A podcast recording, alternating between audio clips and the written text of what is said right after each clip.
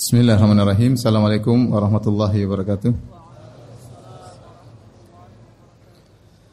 Alhamdulillahi ala ihsanih wa syukru lahu ala taufiqihi wa amtinanih wa asyhadu an la ilaha illallah wahdahu la syarika lahu ta'ziman li sya'nih wa asyhadu anna Muhammadan abduhu wa rasuluhu da'ila ridwani Allahumma salli alaihi wa ala alihi wa ashabi wa ikhwani.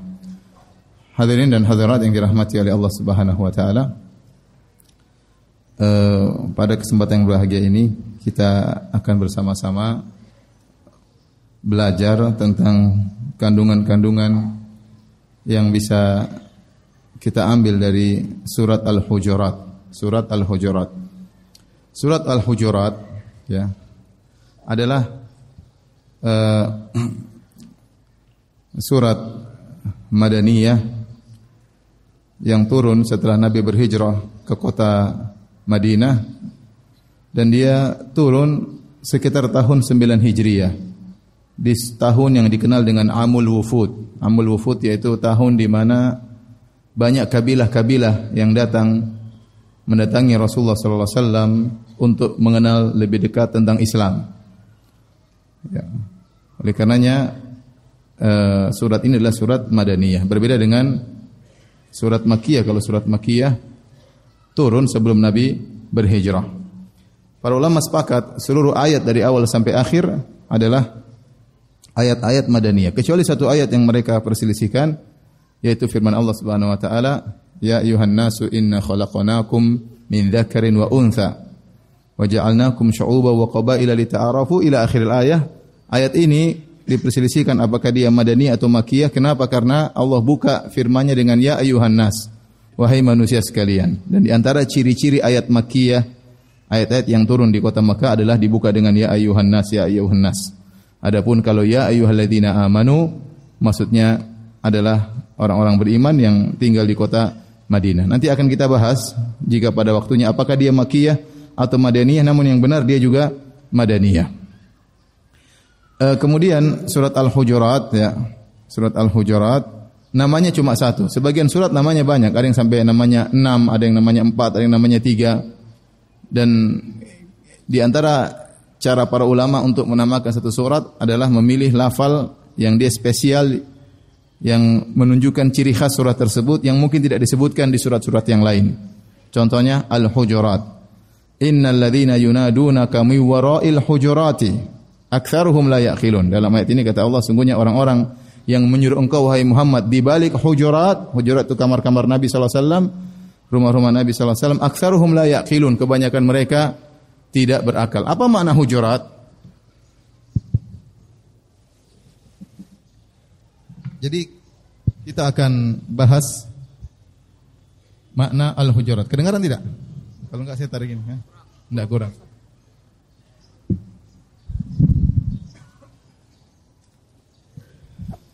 Taib. Al-hujurat jamak dari al-hujrah ya. Al-hujurat Ini jamak plural ya, lafal plural. Jamak dari al-hujrah. Al-hujrah. Ini namanya singular atau mufrad. Dan al-hujrah, al-hujrah itu adalah kalau kita apa ya untuk kita mungkin disebut dengan pelataran, namun tidak beratap. Jadi rumah Nabi kira-kira demikian ya. Ini rumah Nabi.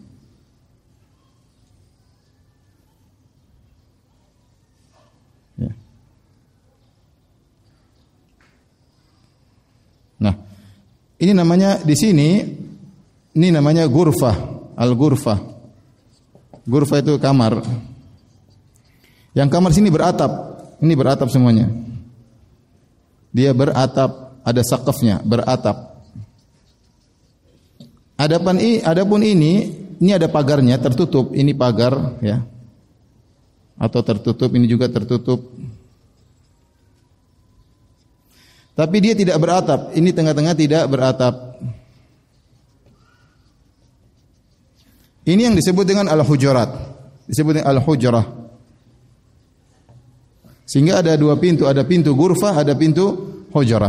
Ini disebut al-hujrah. Nah, rumah Nabi SAW kalau dari sini ke sini kira-kira 6 sampai 7 zira yaitu kira-kira 3,5 meter.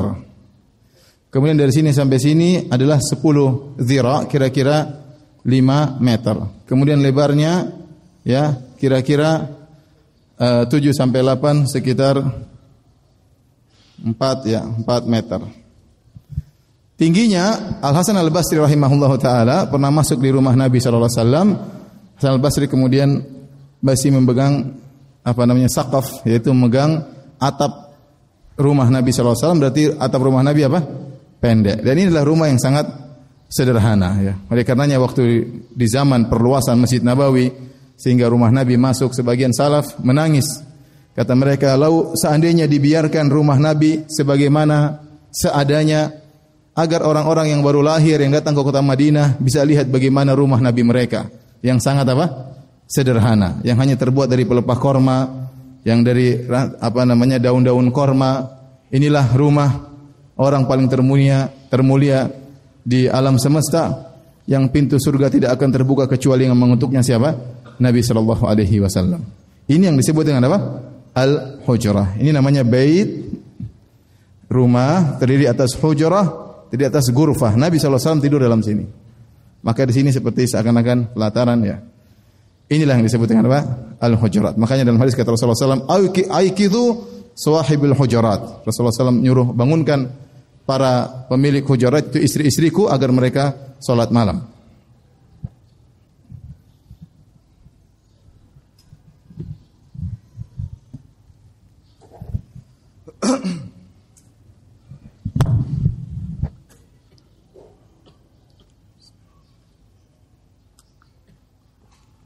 Santai ya, kita dua jam setengah ya, santai aja.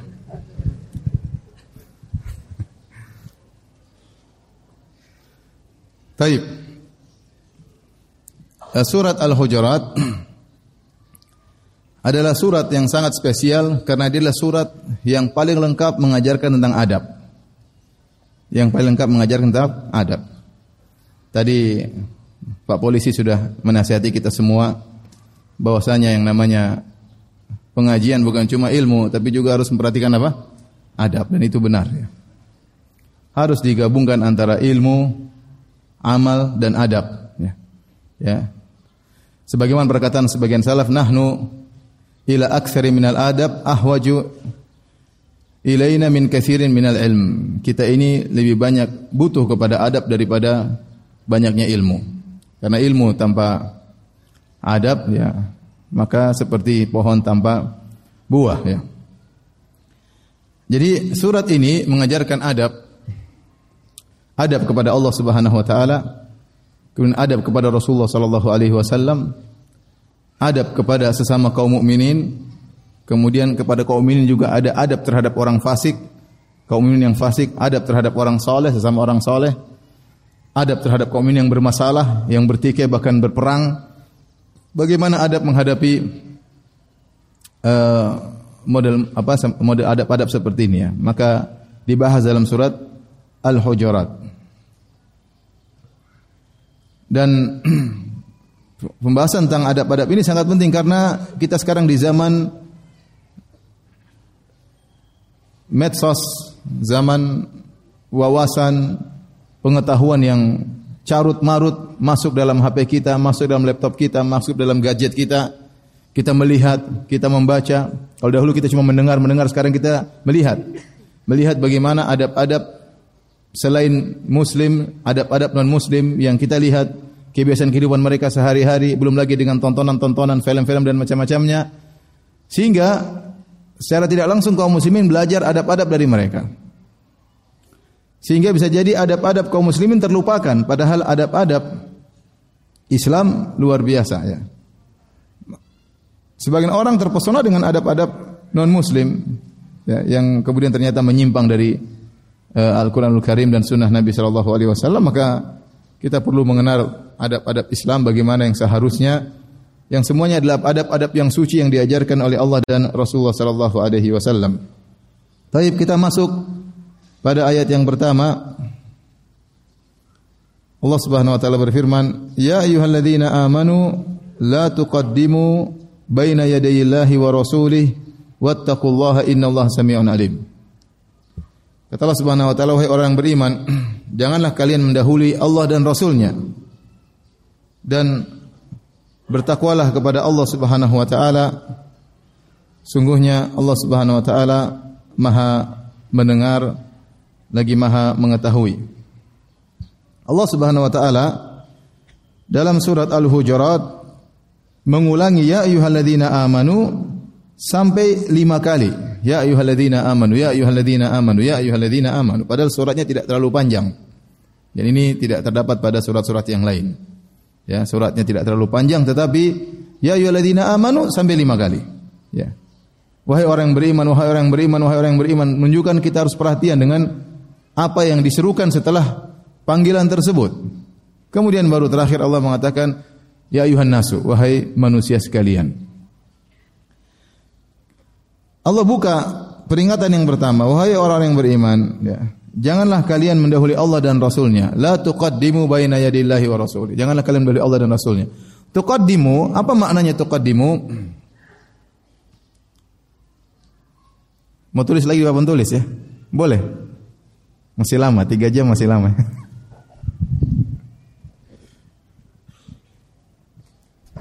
Ini sudah ya?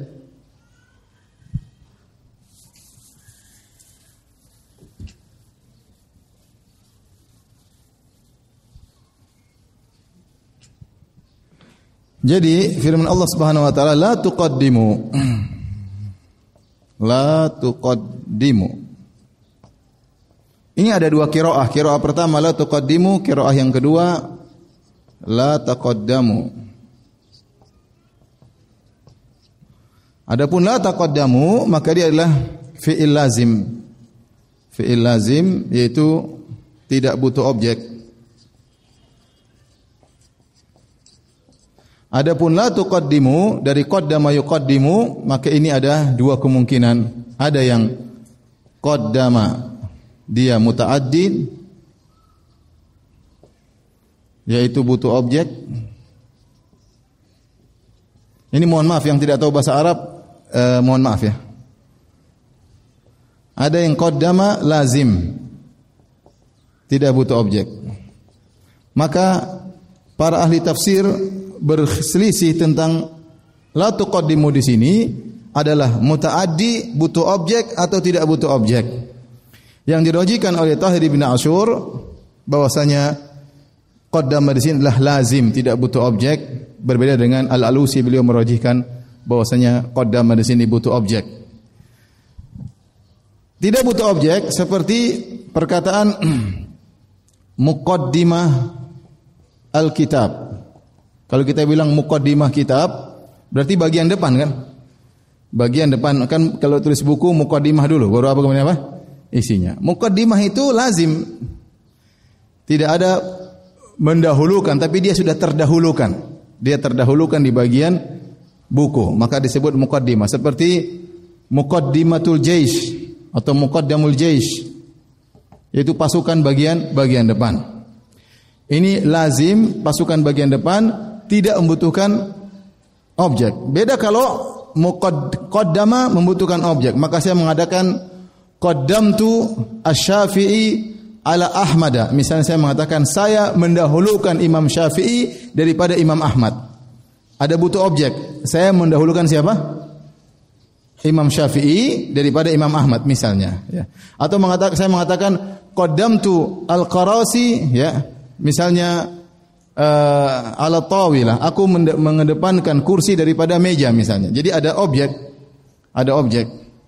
Misalnya saya mengatakan qaddamtu sufufa rijal ala sufufin nisa. Aku mendahulukan saf lelaki daripada safara para wanita. Berarti dia butuh objek. Nah, bagaimana kalau qaddama di sini artinya butuh objek dan bagaimana dengan kalau tidak butuh objek? Wallahu alam bisawab yang lebih kuat adalah qaddama di sini adalah tidak butuh objek berdasarkan qiraah yang lain la taqaddamu. Mohon maaf yang tidak tahu bahasa Arab sabar ya. Ini saya harus bahas ya. Kita masih tiga jam, santai aja. Jadi yang lebih rajih daripada dua pendapat ini adalah bahwasanya qaddam sini lazim, dia tidak butuh objek, artinya wahai orang beriman janganlah kalian mendahului daripada Allah dan Rasulnya. Maksudnya apa jangan mendahului Allah dan Rasulnya? Yaitu jangan ngomong dahulu tentang syariat sebelum kalian melihat apa perkataan Allah, apa perkataan apa? Rasulullah. La taqulu hatta yaqula. Jangan kau berkata, jangan kau berpendapat sampai kau lihat apa perkataan Allah dan perkataan Rasul dalam masalah ini. Jangan sok tahu tentang ilmu agama. Paham? Adapun kalau kita bawakan kepada mana qaddama yuqaddimu yang berarti fi'il mutaaddi punya objek, maka artinya kata Al-Alusi, jangan kau mendahulukan dan ini juga mana benar ya. Keduanya benar, tapi yang lebih benar yang ini. Jadi jangan kau mendahulukan pendapat siapa pun di atas pendapat Allah dan Rasulnya. Kalau kita tahu Rasulullah SAW sudah ngomong demikian, jangan kau bilang tapi berkata Ustadz Fulan. Tapi syekh ini bilang gini, tapi kiai ini bilang begini, hukumnya haram. Berarti kau mendahulukan orang lain di atas Rasulullah SAW. Kau mendahulukan orang lain di atas Al-Quranul Karim. Demikian juga jangan kau mendahulukan dirimu. Oh menurut saya Allah bilang begini, menurut saya begini. Rasulullah SAW begini, menurut saya begini. Ha?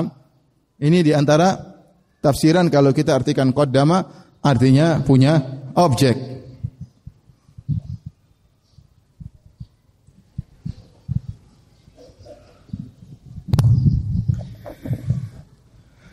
Oleh karenanya makna ayat ini la tuqaddimu baina yadayillahi wa rasulih wattaqullah. Janganlah kalian mendahului ngomong atau berpendapat mendahului Allah dan Rasulnya. Atau menurut tafsiran qaddama adalah fi'il lazim, fi'il mutaaddi punya objek. Janganlah kalian mendahulukan diri kalian atau mendahulukan seorang pun di atas Allah dan Rasulnya dilarang. Bagaimana cara bentuk mendahului Allah dan Rasulnya atau mendahulukan orang lain di atas dan Rasulnya? Contohnya tadi berpendapat tidak melihat hukum Islam bagaimana dulu. Apa sih pendapat Allah masalah ini? Apa sih pendapat Rasulullah masalah ini? Langsung yang berani, oh menurut saya begini. Oh menurut Ustadz ini begini.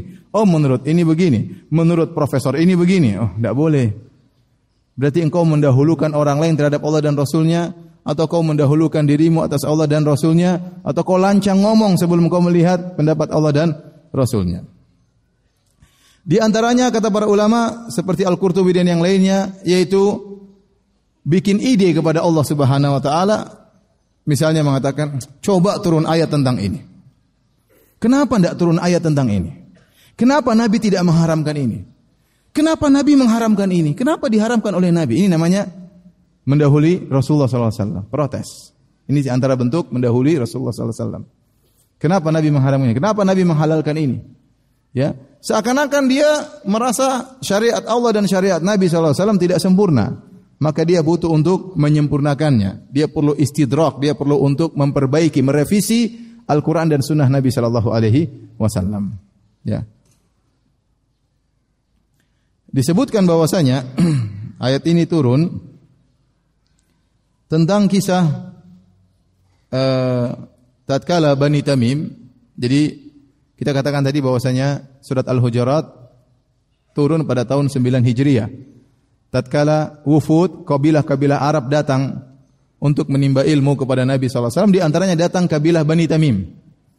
Bani Tamim datang kepada Nabi Shallallahu Alaihi Wasallam.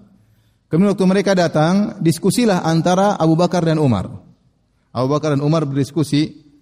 Kemudian Abu Bakar berkata kepada Nabi SAW, Amir Al-Qaqa ibn Ma'bad, At-Tamimi.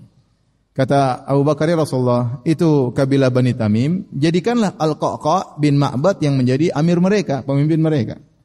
Wa qala Umar, Umar kasih ide juga.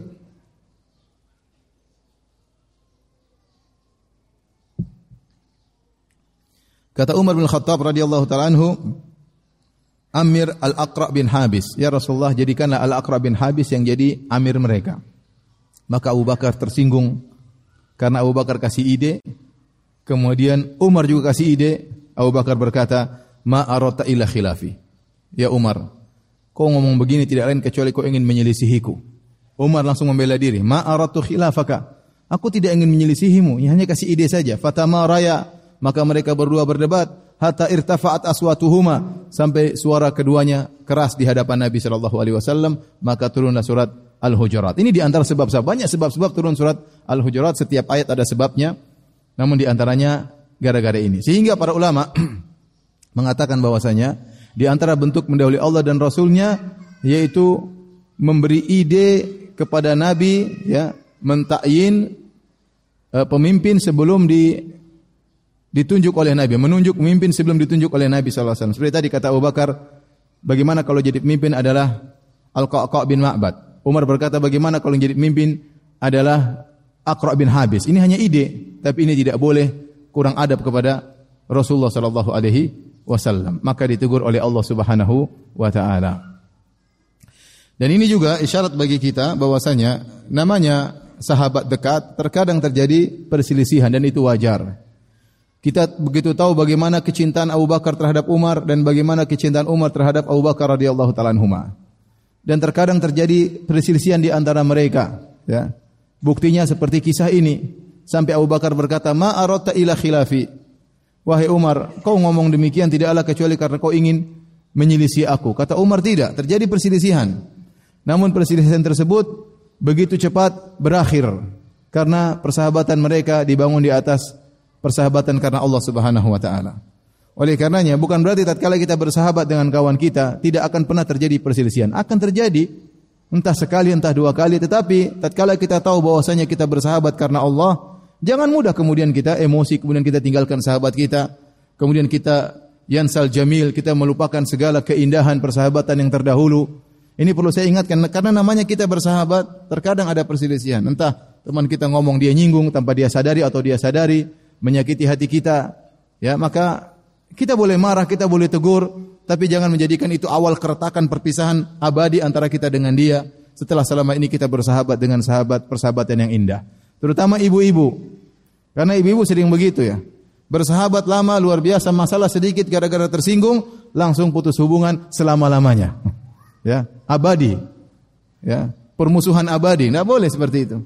Kalau benar-benar persahabatan kita karena Allah. Kalau ada kesalahan, boleh kita tegur, boleh kita marah. Tapi bukan berarti kemudian habis itu kita berpisah tidak bersahabat lagi. Lihat Abu Bakar dan Umar, bukan cuma kali ini mereka berselisih. Dalam hadis yang lain sampai Abu Bakar datang kepada Umar, Umar datang kepada Abu Bakar, eh, Abu Bakar datang kepada Nabi, Umar datang kepada Nabi. Ya, dalam hadis yang panjang.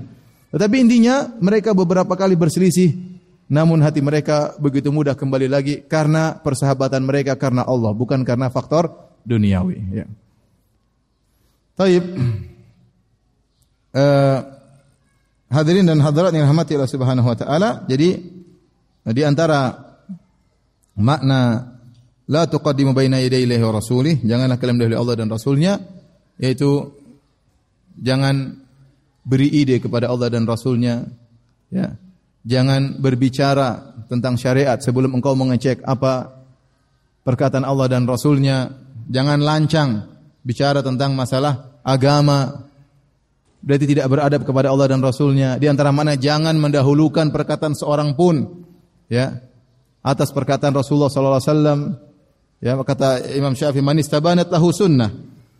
Imam Syafi'i rahimahullah berkata barang siapa yang sudah jelas baginya sunnah maka haram bagi dia untuk meninggalkan sunnah tersebut gara-gara perkataan seorang pun. Tidak boleh. Makanya kata Nabi SAW, kata uh, Imam Syafi'i, Ida sahal hadithu fahuwa madhabi. Kalau telah sah suatu hadis itulah madhabku. Kalau kau melihat perkataanku menyelisih perkataan Rasulullah SAW, maka lemparkanlah perkataanku. Ya, apa kata Imam Malik rahimahullah taala, "Kullun yu'khadhu min qawli wa yurad ila sahibah hadzal qabr." Seluruh orang perkataannya boleh diambil, boleh dibuang kecuali perkataan Rasulullah sallallahu alaihi wasallam. Haram seorang pun mendahulukan perkataan orang lain, perkataan imam sebesar apa pun imam tersebut, apalagi hanya pendapat dia sendiri mendahulukan pendapat tersebut daripada pendapat Rasulullah sallallahu alaihi wasallam. Allah berfirman, "Wattaqullah", bertakwalah kepada Allah. Bertakwalah kepada Allah Subhanahu wa taala. Inna Allah sami'un alim, sungguhnya Allah Maha mendengar lagi Maha mengetahui. Baik. Kita lanjutkan. Ayat pertama setengah jam ya. Masih ada 18, 17 ayat lagi. Insya Allah yang lain enggak panjang. Baik, kita lanjutkan. Uh, di sini ada ada sedikit permasalahan akidah yaitu innallaha samiun alim. Allah menggabungkan antara sami dengan alim. bahwasanya sami adalah sifat mendengar, alim sifat artinya mengetahui, dua-duanya sifat Allah. Allah namanya As-Sami, Allah namanya Al-Alim. Makanya orang boleh menamakan anaknya Abdus Sami. Saya punya kawan namanya Abdus Sami. Itu hamba yang maha mendengar. Dan seorang boleh menamakan anaknya Abdul Alim. Hamba Allah yang maha apa? Mengetahui. Allah membedakan antara sifat as-sama dan ilm. Mendengar beda, ilmu beda. Dan ini menyelisihi pendapat akidah Asy'ariyah yang menafsirkan sama dengan ilmu. Mereka mengatakan sama mendengar maksudnya al ilmu bil masmuat yaitu mengetahui tentang perkara-perkara yang terdengar. Bukan mendengar tetapi sama artinya mengetahui perkara-perkara yang terdengar. Sama mereka menafsirkan al basar melihat maksudnya al ilmu bil mubasarat mengetahui tentang perkara-perkara yang terlihat dan ini adalah takwil yang batil seakan-akan menyatakan bahwasanya sifat sama adalah bagian daripada sifat ilmu padahal Allah membedakan antara sifat sama mendengar dengan sifat apa? ilmu. Ini saya bahas panjang lebar saya tidak akan ulangi lagi dalam syarah al-aqidah wasitiyah untuk bisa nonton di YouTube syarah aqidah wasitiyah bagian ke-9. Taib. Kemudian Allah Subhanahu wa taala berfirman, Ya ayyuhalladzina amanu la tarfa'u aswatakum. Wahai orang yang beriman, adab berikutnya. Ya. Sebelumnya di ayat pertama Allah mengatakan, "La tuqaddimu baina yadayillahi wa rasulih." Janganlah kalian mendahului Allah dan Rasulnya. Padahal sababun nuzul, padahal sebab turunnya ayat ini berkaitan dengan adab kepada Nabi, bukan kepada Allah. Kisahnya kan tadi antara Abu Bakar dan Umar. Berkaitan di hadapan Nabi atau di hadapan Allah? Di hadapan Nabi SAW. Artinya mereka salah adab, ya kesalahan yang ditegur oleh Allah berkaitan dengan Nabi wasallam. Namun kenapa Allah memasukkan kata Allah di sini, la tuqaddimu baina yadayillah wa rasulih. Janganlah kalian mendahului Allah dan Rasulnya. Para ulama mengatakan karena ini dalam rangka mengagungkan Nabi sallallahu alaihi wasallam. Meskipun kesalahan yang terjadi berkaitan dengan hak Nabi sallallahu alaihi wasallam, tetapi karena Nabi Muhammad adalah utusan Allah Subhanahu wa taala, maka seakan-akan engkau tidak beradab juga kepada Allah Subhanahu wa taala. Ya, paham? Nabi agung bukan manusia biasa. Anda menyelisih Nabi, Anda menyelisih Allah Subhanahu wa taala.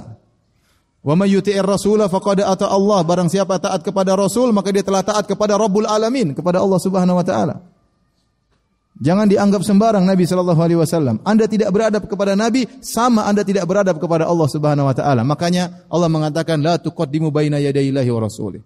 Jangan kalian mendahulukan diri kalian daripada Allah dan Rasulnya padahal pembahasan masalah Nabi. Dan ini juga kata para ulama dalam buku tafsir dalil bahwasanya Anda tidak akan bisa mengetahui ya bagaimana beribadah kepada Allah yang benar kecuali dengan jalan siapa? Nabi sallallahu alaihi wasallam dengan penjelasan Nabi sallallahu alaihi wasallam. Tapi kita lanjutkan ayat berikutnya lagi ya ayyuhalladzina amanu la tarfa'u aswatakum fawqa sautin nabi wahai orang yang beriman Janganlah kalian mengangkat suara kalian di atas suara Nabi sallallahu alaihi wasallam. Wala tajharu lahu bil qawli ka jahri ba'dhikum li ba'dhin. Dan janganlah kalian mengeraskan suara kalian sebagaimana kalian berbicara satu dengan yang lainnya. Suara keras enggak ada masalah. Tetapi, tetapi kepada Nabi tidak boleh kalian mengeraskan suara, kalian tidak boleh mengangkat suara. Apa sebabnya? Antah batu amalukum wa antum la tash'urun. Bisa jadi amal kalian gugur dalam kondisi kalian tidak sadar.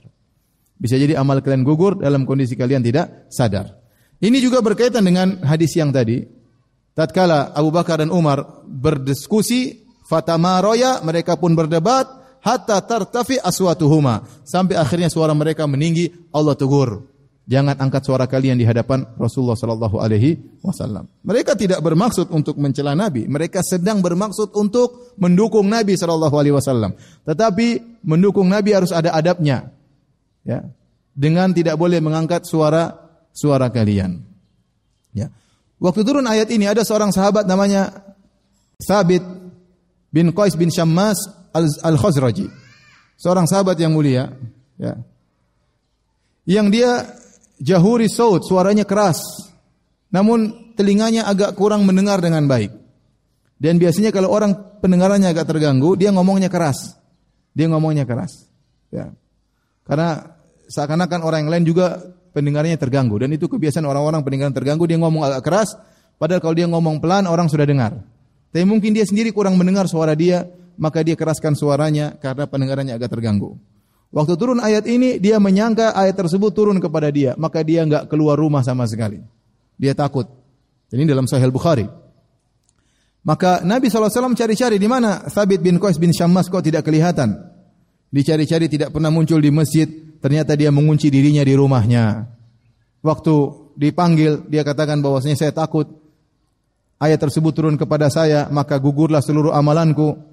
Maka Nabi kirim sahabat kasih tahu bahwasanya Sabit bin Qais bukan penghuni neraka jahanam, tapi dia penghuni apa? Surga. Tapi dia penghuni surga. Kenapa? Takutnya kepada Allah luar luar biasa. Baru kemudian dia kembali uh, berjamaah di masjid. Taib, apa maknanya antah bata amalukum antum la tash'urun? Tidak apa-apa saya bahas masalah bahasa tadi? Hah? Antum paham tidak? Saya bahas ya. Enggak apa-apa ya. Kasihan yang tidak tahu bahasa Arab ya. Tapi ya salah sendiri tidak tahu bahasa Arab.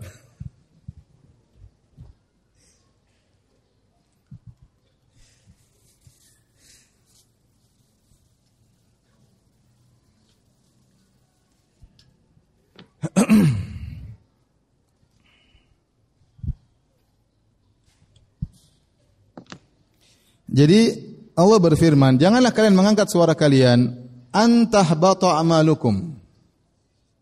Antah bata amalukum. Yang artinya akan gugur akan gugur amalan kalian. Amalan kalian. Hukum asalnya a'malukum di sini, hukum asalnya jama' mudhaf itu memberikan faedah keumuman keumuman. Artinya seluruh amalan kalian gugur. Kalau kalian mengangkat suara. Dan kita tahu bahwasanya dalam akidah Ahlussunnah wal Jamaah tidak ada yang bisa menggugurkan amalan seluruhnya kecuali kekufuran. Kecuali apa ke? Kekufuran.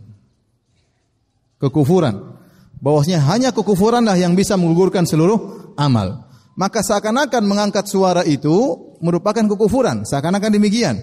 Tetapi dijelaskan oleh para ulama, Allah mengatakan antah batu amalukum, ya. Ada takdirnya, ada li antah batu amalukum, ada namanya lam di sini. Li li antah batu amalukum. Nah, li di sini dan ini dalam bahasa Arab diketahui, ada takdir sebelum an, ada namanya la li antah batu amalukum Lam di sini maksudnya apa? Lam di sini maksudnya lam as-sayrurah. Bukan lamu ta'lil, bukan lamu ta'lil. Bedanya apa antara lamu ta'lil dengan lamul as-sayrurah? Maksudnya kesudahan. Ini maksudnya apa? Kesudahan. Sama seperti firman Allah Subhanahu wa taala dalam surat Al-Qasas. Kata Allah Subhanahu wa taala, tentang Nabi Musa yang dilepaskan di Sungai Nil. Perhatikan di sini. Kata Allah Subhanahu wa taala, "Faltaqatahu alu fir'auna liyakuna lahum aduwan wa hazana." Kata Allah, maka si kecil Musa pun diambil oleh keluarga Firaun. Liyakuna sehingga di situ li sehingga Musa pun menjadi musuh mereka dan mendatangkan kesedihan bagi mereka di kemudian hari. Bukan lamu ta'lil, bukan atau lamukai bahwasanya mereka mengambil memelihara Nabi Musa untuk menghancurkan istana Firaun tidak. Mereka tidak tahu, mereka maksudnya mengambil Musa sebagai anak untuk menghibur diri mereka. Mereka tidak tahu ternyata Musa ini di kemudian hari akan menjatuhkan kerajaan Firaun. Faham? Berarti kesudahan Nabi Musa setelah dewasa akan menjatuhkan kerajaan apa? Firaun. Faham? Itu namanya lam asairurah. Sama seperti ini. Kalau kalian mengangkat suara kalian, nanti penghujungnya kalian bisa gugur amalan kalian. Kenapa? Para ulama menjelaskan, Tahir bin Ashur, Al-Alusi dan yang lainnya. Karena kalau orang sudah tidak beradab kepada Nabi SAW, akhirnya dia menggampangkan. Mulai dia angkat suara, mulai dia ngomong keras di hadapan Nabi, mulai meremehkan Nabi, mulai membantah Nabi dan akhirnya dia bisa jadi jangan-jangan Nabi juga salah, saya juga bisa mengkritik Nabi, dia kafir akhirnya.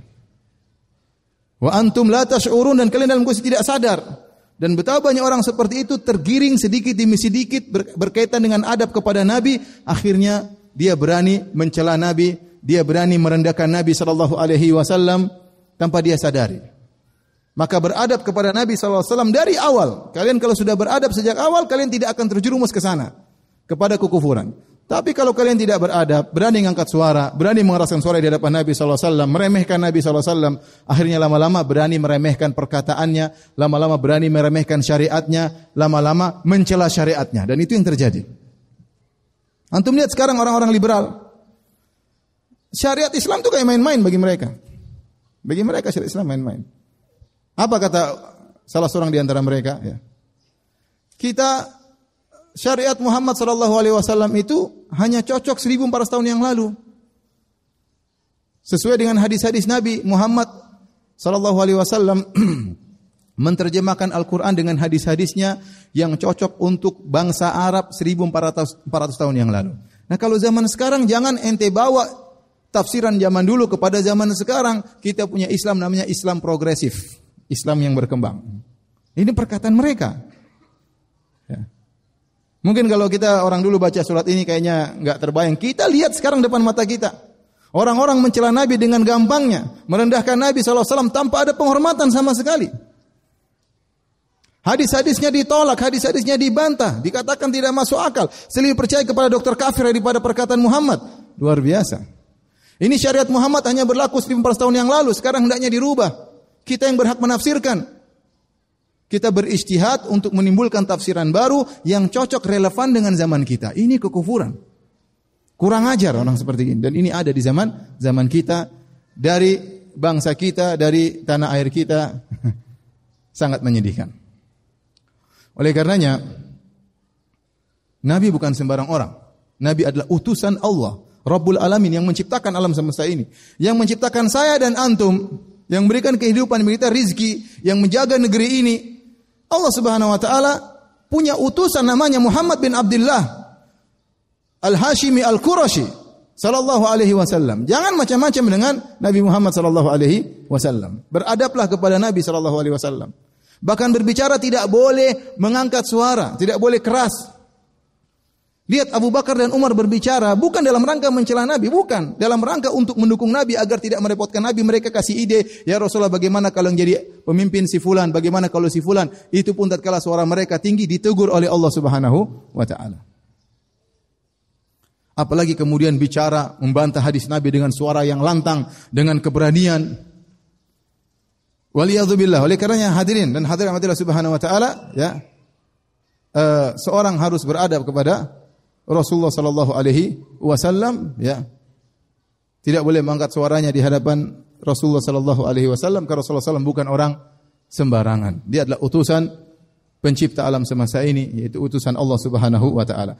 Para ulama mengambil pelajaran dari kisah ini. Jadi subhanallah setelah itu, setelah turun ayat ini, Umar kalau bicara dengan Nabi SAW ke akhir sirar. Maksudnya apa? Seakan-akan bicara rahasia dengan Nabi. Kalau datang kepada Nabi, dia ngomongnya pelan. Ya Rasulullah, ngomongnya pelan banget. Sampai Rasulullah yastafhimahu. Rasulullah SAW, maksudnya apa Umar? Karena takut ngangkat suara di hadapan siapa? Nabi. Jadi kalau ngomong, padahal Umar kan orangnya hebat, mungkin suaranya keras, jagoan terkenal lah. Tapi kalau dia ngomong sama Nabi, suaranya apa? Pelan. Sampai Nabi yastafhimu, sampai Nabi, kamu ngomong apa sih Umar? Saking dia beradab di hadapan siapa? Rasulullah Sallallahu Alaihi Wasallam. Para ulama mengambil faedah dari kisah ini bahwasanya Sebagaimana Nabi SAW tatkala masih hidup, tidak boleh kita mengangkat suara di hadapan suara dia, maka demikian juga al-qauluhul masmu' ya, perkataan dia yang didengar tatkala masih hidup sama dengan qauluhu al-marwi atau al-makru sama dengan perkataan beliau alaihi salatu yang diriwayatkan sampai sekarang. Maksudnya hadis-hadis Nabi. Sebagaimana Anda tatkala Nabi masih hidup tidak boleh mengangkat suara di hadapan Muhammad sallallahu alaihi wasallam, demikian juga sekarang Rasulullah SAW sudah meninggal, ada hadis tidak boleh Anda bantah. Kalau sudah dibicarakan hadis, ente diam. Dengar. Jangan angkat suara. Seorang sedang membacakan sabda Rasulullah sallallahu alaihi wasallam, maka diam. Imam Al-Qurtubi berdalil dengan firman Allah Subhanahu wa taala, "Fa idza quri'al Qur'anu fastami'u lahu wa ansitu la'allakum turhamun." Jika dibacakan Al-Qur'an, maka simaklah dan dengarlah. Kata Imam Al-Qurtubi rahimahullah taala, Demikianlah juga dengan hadis. Hadis juga wahyu dari Allah Subhanahu wa taala. Maka kalau dibacakan hadis Nabi SAW, jangan tidak beradab. Ini ucapan seorang manusia yang dengan sebab dia kita mengenal keindahan sunnah. Dengan sebab dia kita bisa bahagia di dunia, terlebih lagi meraih kebahagiaan akhirat yang abadi selama-lamanya. Kemudian dia berbicara kita cuekin, tidak kita dengarkan, kita sibuk ngomong sendiri, bahkan kita komentari perkataan Rasulullah SAW. Bahkan kita bantah hadis Nabi sallallahu alaihi wasallam. Anda tidak beradab kepada Rasulullah sallallahu alaihi wasallam. Dan betapa banyak orang-orang seperti itu di zaman sekarang. Sok pintar, sok alim, ya. Mentang-mentang dia profesor, mentang-mentang dia dokter. Kemudian dengan mudahnya dia tolak hadis Nabi sallallahu alaihi wasallam. Waliyadzubillah, ya. Mana adab dia kepada Rasulullah wasallam? Ma, apa dia tidak merasa Rasulullah SAW punya jasa besar terhadap dirinya? Makanya Nabi SAW bersabda, La yu'minu ahadukum hatta akuna ahabba ilaihi min waladihi wa walidihi wa nasi ajmain. Tidak beriman seseorang sampai aku lebih dia cintai daripada orang tuanya, daripada anaknya, daripada dirinya sendiri, daripada seluruh manusia. Aku yang harus paling dia cintai. Kata para ulama, kenapa? Karena jasa Muhammad bin Abdullah sallallahu alaihi wasallam lebih besar daripada jasa semua manusia. Daripada ayah kita, daripada ibu kita. Ayah dan ibu kita jasanya besar terhadap kita, tapi Muhammad sallallahu alaihi wasallam jasanya lebih besar. Dengan mempelajari hadis-hadisnya, dengan perjuangannya kita mengenal Islam, kita bisa bahagia. Terlebih lagi kita bisa selamat dari azab yang abadi dan kita bisa masuk surga dengan kenikmatan yang sempurna dan abadi. Jadi kita harus beradab dengan orang ini yaitu Rasulullah sallallahu alaihi wasallam.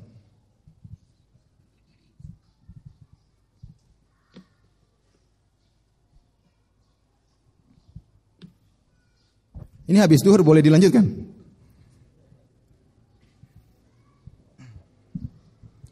Suara saya sudah habis tapi. Bentar.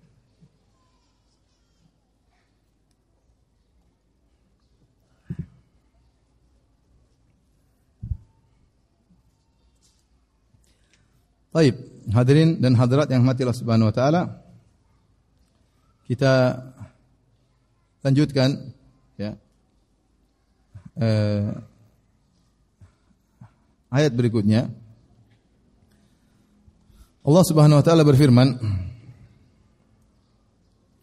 Innal ladzina yaghudduna aswatahum 'inda Rasulillah ulaika alladzina imtahana Allahu qulubahum litaqwa lahum maghfiratun wa ajrun 'azim. Sungguhnya orang-orang yang merendahkan suara mereka itu beradab di hadapan Nabi sallallahu alaihi wasallam. Di sisi Rasulullah sallallahu alaihi wasallam, mereka lah orang-orang yang diuji hati mereka oleh Allah agar mereka bertakwa. Lahum maghfiratun wa ajrun 'azim bagi mereka ampunan Allah dan ganjaran yang besar. Ini dalil bahwasanya hati diuji. Allah menguji hati manusia. Sebagian ulama seperti As-Sa'di rahimahullah taala dalam tafsirnya, maksudnya beliau berkata al-qulub tumtahanu bil awamir wan nawahi. Bahwasanya hati-hati manusia itu diuji dengan perintah dan larangan. Kalau mereka menjalankan perintah dan larangan tersebut, hati mereka semakin bertakwa. Ya, bahwasanya bukti bahwasanya mereka Bertakwa mereka menjalankan perintah dan meninggalkan larangan. Kalau mereka tidak menjalankan perintah dan mereka melanggar larangan, maka ketakwaan semakin berkurang dari hati mereka. Paham? Saya ulangi, hati manusia diuji dengan apa? Dengan perintah dan apa? Larangan. Dan ini bantahan yang telak kepada sebagian orang yang tidak mau menjalankan syariat dengan dalih yang penting hatinya lembut. Yang penting hatinya apa? Bertakwa. Sebagian wanita disuruh pakai jilbab, kata dia, jangan pakai jilbab, yang penting jilbabkan hatimu terlebih dahulu. Ya. Yang penting bukan zahirnya, batinnya yang paling utama. Kita bilang kalau batinmu benar, benar-benar kau beriman kepada Allah, harusnya kau taat kepada perintah siapa? Allah. Bukankah konsekuensi dari beriman kepada Tuhan, kalau Tuhan perintah kita taat, itu konsekuensi jelas sekali. Tapi kalau dia ngaku bahwasanya hatinya suci, hatinya bersih tapi tidak menjalankan syariat itu berarti nggak beriman kepada Allah Subhanahu wa taala. Kemudian lagi sekelompok orang joget-joget, nyanyi-nyanyi, main musik. Kemudian dia bilang yang penting hati. Jangan lihat dari joget-jogetnya. Jangan lihat dari musik-musiknya ya. Kita bilang enggak, Allah memerintah. Nabi memerintah, Nabi melarang. Kalau Anda beriman kepada Allah, ada buktinya. Hati Anda diuji. Benarkah Anda beriman kepada Allah? Kalau Anda beriman kepada Allah harusnya perintahnya dikerjakan, larangannya ditinggalkan. Paham ini maksudnya? Ini tafsiran. Tafsiran yang lain disebut oleh Ibnu Katsir rahimahullahu taala. Ulaika alladziina imtahana Allahu qulubahum. Mereka itulah orang-orang yang diuji hati mereka.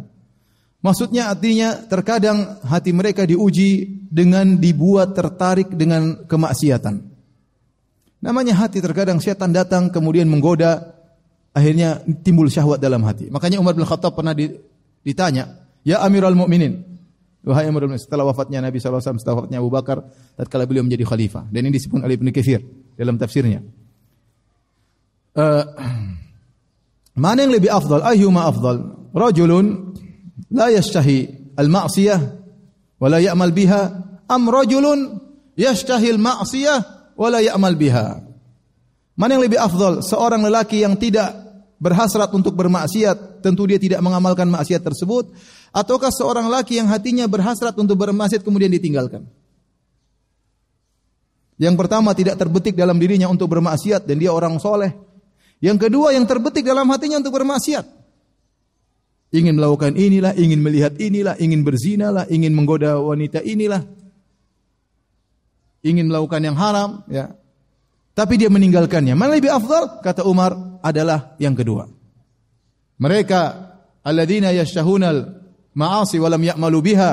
Orang-orang yang berhasrat melakukan maksiat namun dia meninggalkannya karena Allah dia tidak melakukannya kata Umar ulaika alladzina amtahanallahu qulubahum litaqwa mereka itulah orang-orang yang hati mereka sedang diuji oleh Allah untuk meninggikan ketakwaan mereka. Oleh saya ingatkan kepada para jomblo ya, yang menyedihkan kondisi mereka. mereka sering diuji hati mereka. Ingatlah ayat ini ya. Bahwasanya hati kita diuji. Tatkala antum sedang bersendirian, hati antum di diuji.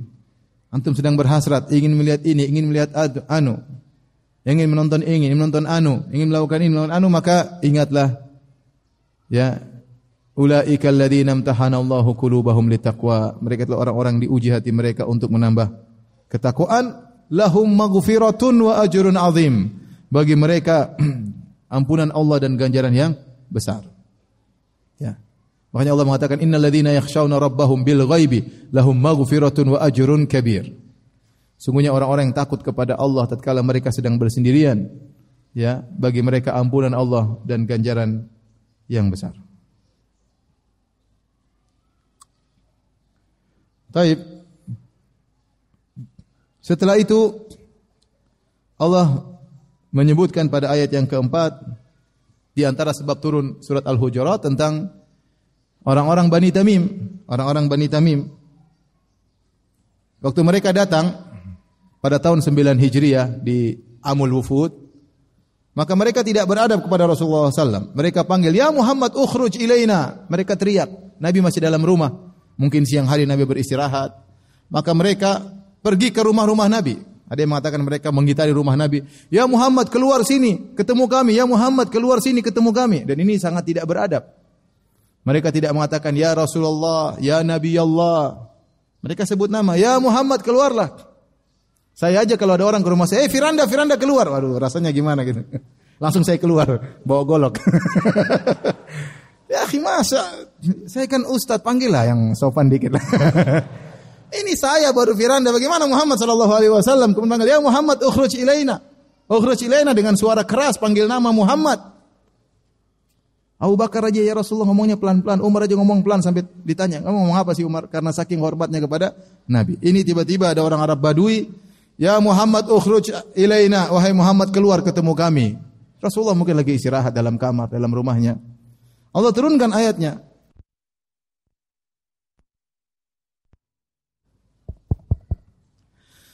Allah turunkan ayatnya innal yunadunaka mi wara'il hujurati aktsaruhum la yaqilun. Sungguhnya orang-orang yang menyuruhmu di belakang hujurat, di balik di keluar di luar rumah Nabi sallallahu alaihi wasallam, aktsaruhum la yaqilun.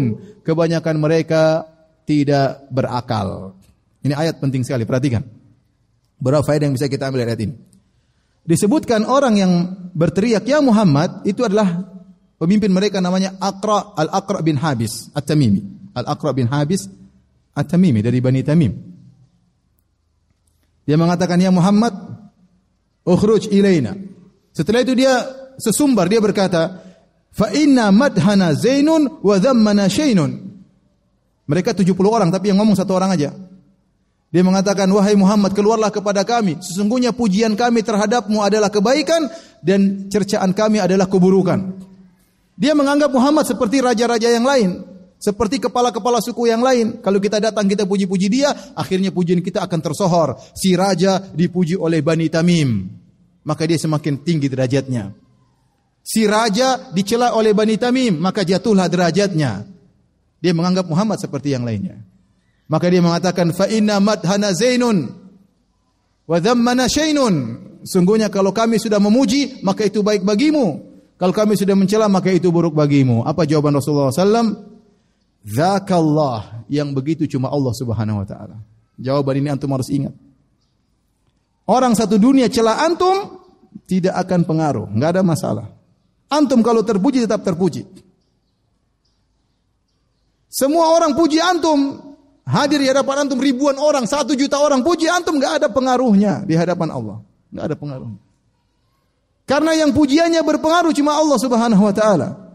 Yang celaannya berpengaruh cuma siapa? Allah Subhanahu wa taala. Maka Nabi bantah mereka, Nabi berkata, "Zakallah." Yang seperti itu hanyalah siapa? Allah Subhanahu wa taala. Ini kalimat yang agung yang harus kita simpan dalam hati kita agar kita bisa ikhlas dalam menjalankan segala kegiatan kita. Kita tidak mencari pujian manusia. Percuma. Mereka puji-puji kita sementara kita di neraka jahanam. Percuma. Biarkan mereka mencela kita, yang penting kita mulia menjalankan syariat Allah Subhanahu wa taala. Baik. Perhatikan di sini. Riwayat yang sahih menunjukkan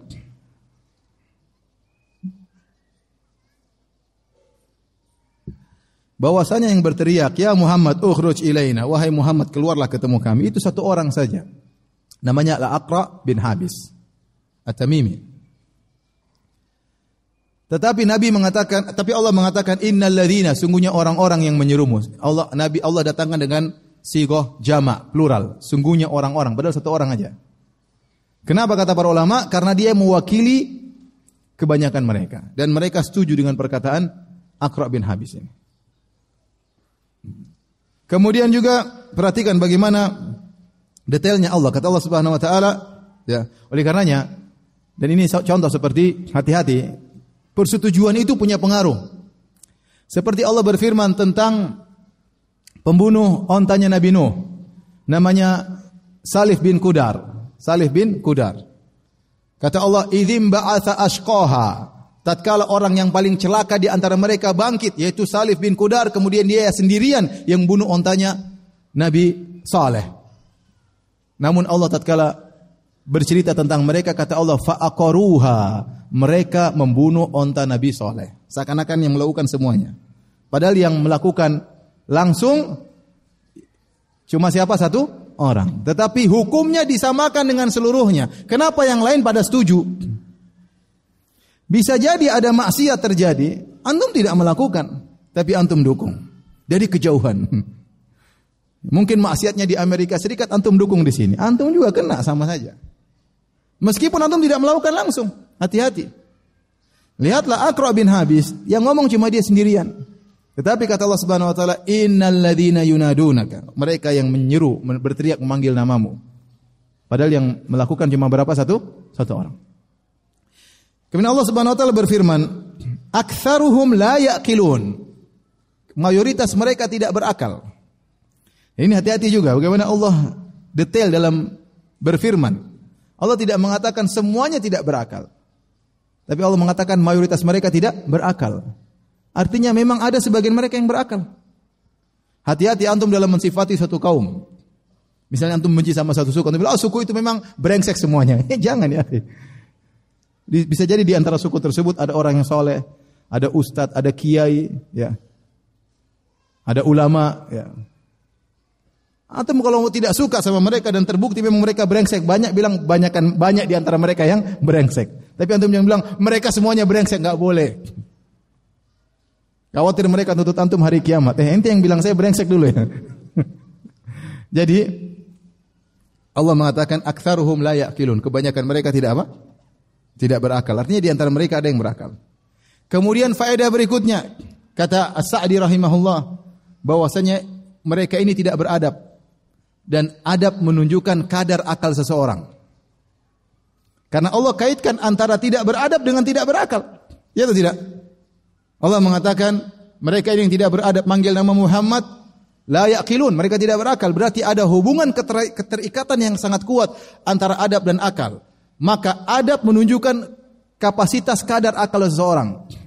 Kalau antum ingin tahu akal seorang, lihatlah bagaimana statusnya, bagaimana komentarnya, bagaimana omongannya di medsos. Itulah akal dia. Adab dia dalam berstatus, adab dia dalam berkomentar, adab dia tatkala dalam perdebatan, itulah akalnya.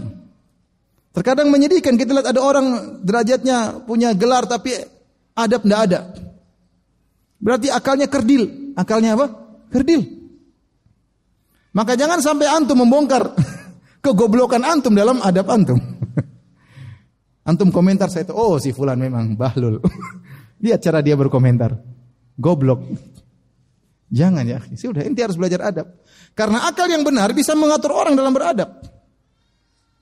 Dia bisa, meskipun mungkin IQ-nya tinggi, bisa jadi akal lain lagi. IQ-nya tinggi tapi dia tidak berakal. Ya, akalnya tidak bisa mengontrol dia sehingga tidak tidak beradab.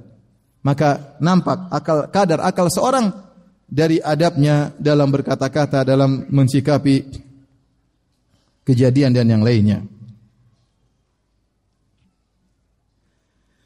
Selanjutnya kata Allah Subhanahu wa taala, "Walau annahum sabaru hatta takhruja ilaihim lakana khairan lahum. Seandainya mereka bersabar yaitu Bani Tamim, Aqra bin Habis. Hatta takhruja ilaihim, tidak usah dipanggil-panggil ya Muhammad keluar ya Muhammad keluar. Seandainya mereka bersabar sampai engkau keluar wahai Muhammad, lakana khairan lahum tentu lebih baik bagi mereka. Iya, kalau mereka bersabar, ada waktunya Nabi keluar dari rumahnya untuk bertemu tamu-tamu. Nabi mungkin istirahat, tidak usah dipanggil-panggil. Ya.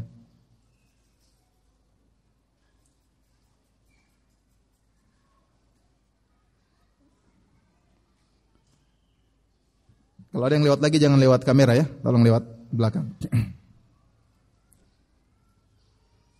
Nanti antum muncul di siaran langsung. Jadi terkenal lagi di antara akhwat nanti.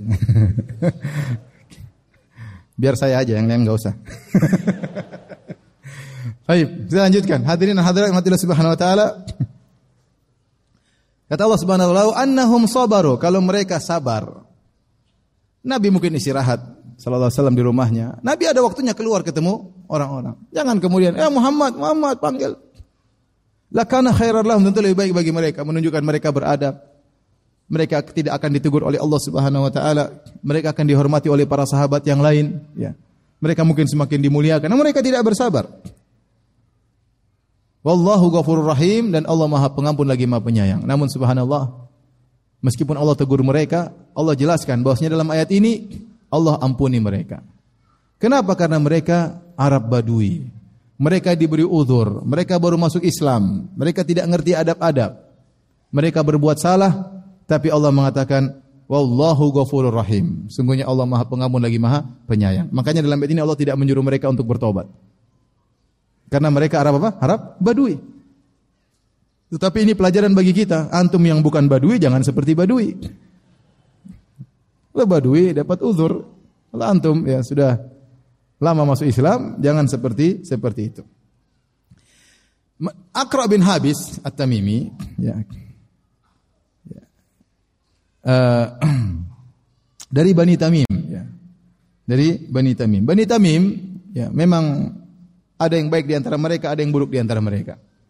Di antara mereka ada pemimpin Khawarij yang namanya Dzul Khuwaisirah At-Tamimi. Dzul Khuwaisirah At-Tamimi. Dia dari Bani Tamim. Bani Tamim bani yang luas. Nanti akan kita bahas tentang masalah uh, syu'ub, qabail, kemudian ummah, uh, kemudian apa? uh, habis qabilah, kemudian imarah, kemudian al-batan, kemudian fakhith, kemudian fasilah. Nanti akan kita bahas ayat-ayat terakhir. Tapi intinya Bani Tamim Bani yang luas. Di Indonesia juga banyak orang At-Tamimi, banyak sekali. Dari Bani Tamim ya. Ada yang baik, ada yang buruk sebagaimana suku-suku yang lain. Tapi yang tidak benar seorang yang berusaha untuk menempelkan Bani Tamim kepada pemahaman Khawarij. Setiap ada orang Bani Tamim itu Khawarij, keturunan Khawarij, enggak boleh itu kezaliman kezaliman. Ya. Nabi sendiri memuji Bani Tamim. Dalam hadis yang sahih riwayat Muslim, saya bacakan hadisnya. Ini contoh Bani Tamim yang salah Aqra bin Habis. Di antara contoh Bani Tamim yang keliru, Dzul Khuwaisirah.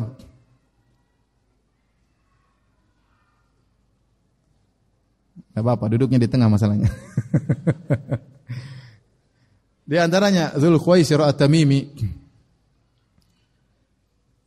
Ini contoh yang salah, tapi bukan berarti semuanya rusak, tidak. Banyak Allah saja mengatakan aksaruhum la yaqilun, banyak di antara mereka tidak berakal, berarti sebagian mereka ber, berakal. Di antara pujian Rasulullah SAW kepada Bani Tamim dalam Sahih Muslim kata Abu Hurairah radhiyallahu taala anhu, "Ma ziltu uhibbu Bani Tamim mundu salas." Aku selalu mencintai Bani Tamim kata Abu Hurairah sejak aku mendengar tiga perkara dari Nabi sallallahu alaihi wasallam. Apa yang menyebabkan Abu Hurairah cinta kepada Bani Tamim? Ya, kenapa kan ada sebagian orang begitu mendengar Muhammad bin Abdul Wahab At-Tamimi, oh Khawarij. Keturunannya Khawarij. Nenek moyangnya Dzul Khuwaisir At-Tamimi. Ini zalim ya akhi, tidak boleh. Betapa banyak kabilah Bani Tamim. Di Indonesia juga banyak. Di Saudi juga banyak. Di Qatar juga banyak. Di Kuwait juga banyak. Di dunia ini banyak Bani Tamim. Apakah setiap orang dari Bani Tamim antum mengatakan dia keturunan Khawarij? Tidak boleh akhi, zalim. Ini ente dituntut hari kiamat. Sebagian orang zaman ini ngomong tidak peduli. Ya.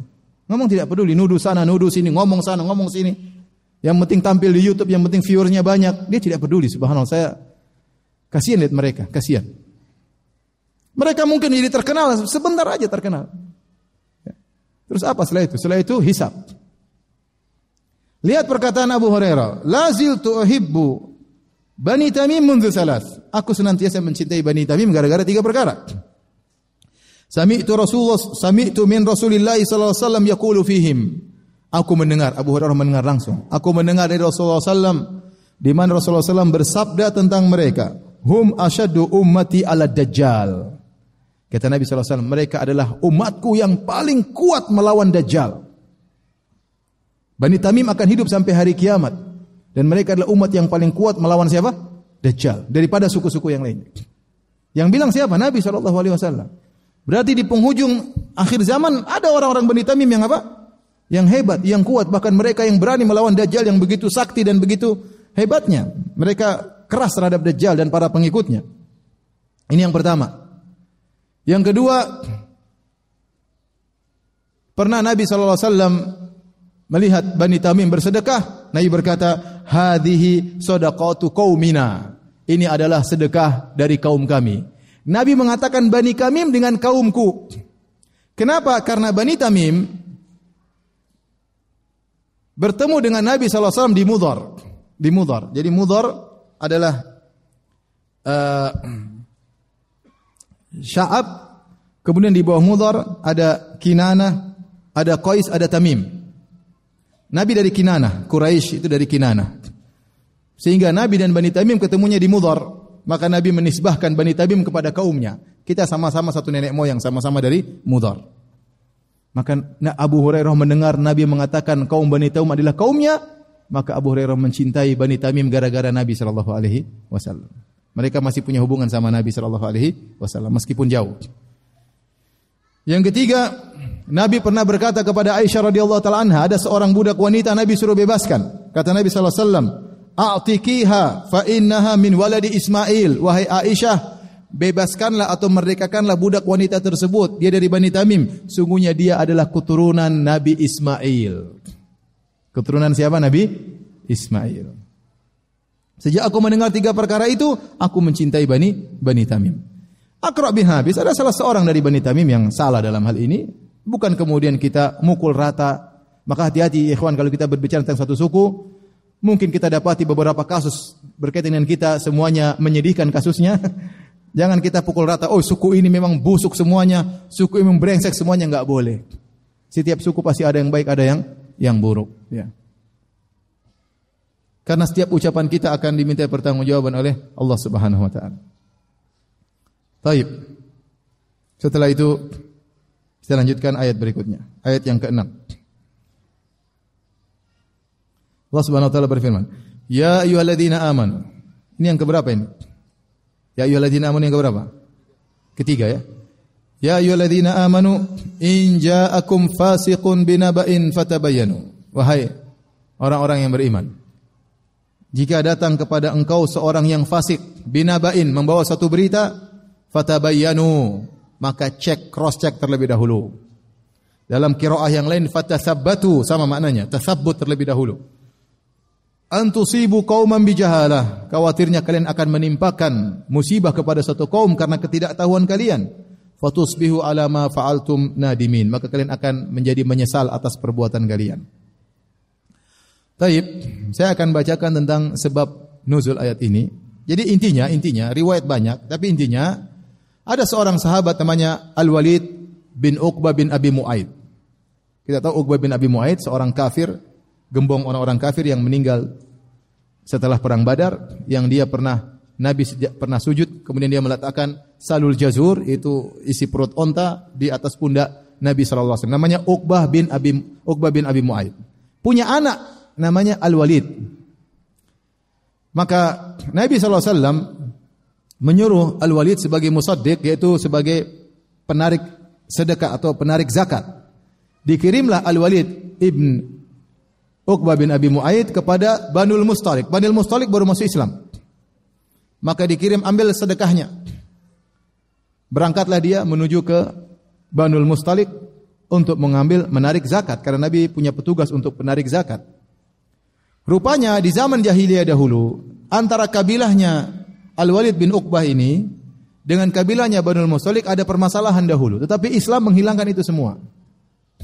Waktu dia datang mengambil sedekah, mengambil zakat, menarik zakat, Rupanya Banul Mustalik ini ingin menyambut utusan Nabi Wasallam. Maka mereka banyak-banyak mereka berdiri rame-rame, mereka bawa pedang, ingin menyambut siapa? Itu penarik zakat. Ya seperti raja lewat kan kadang-kadang disambut dengan apa? Kegagahan bawa pedang. Ada yang lapor sama dia, "Eh Walid, hei Walid, itu mereka keluar bawa pedang." Waduh, ini saya mau dibunuh. Nah, ceritanya begitu. Padahal mereka ingin menyambut dia, tetapi dia menyangka mereka ini keluar untuk membunuhnya. Karena waktu di zaman jahiliyah pernah ada masalah dengan dia. Maka dia pun segera pulang, dia lapor kepada Nabi SAW, Ya Rasulullah, saya ingin mengambil zakat dari mereka, mereka menolak, bahkan mereka ingin bunuh saya. Maka Nabi bilang, berarti yang dikirim salah. Khalid bin Walid yang dikirim sekarang.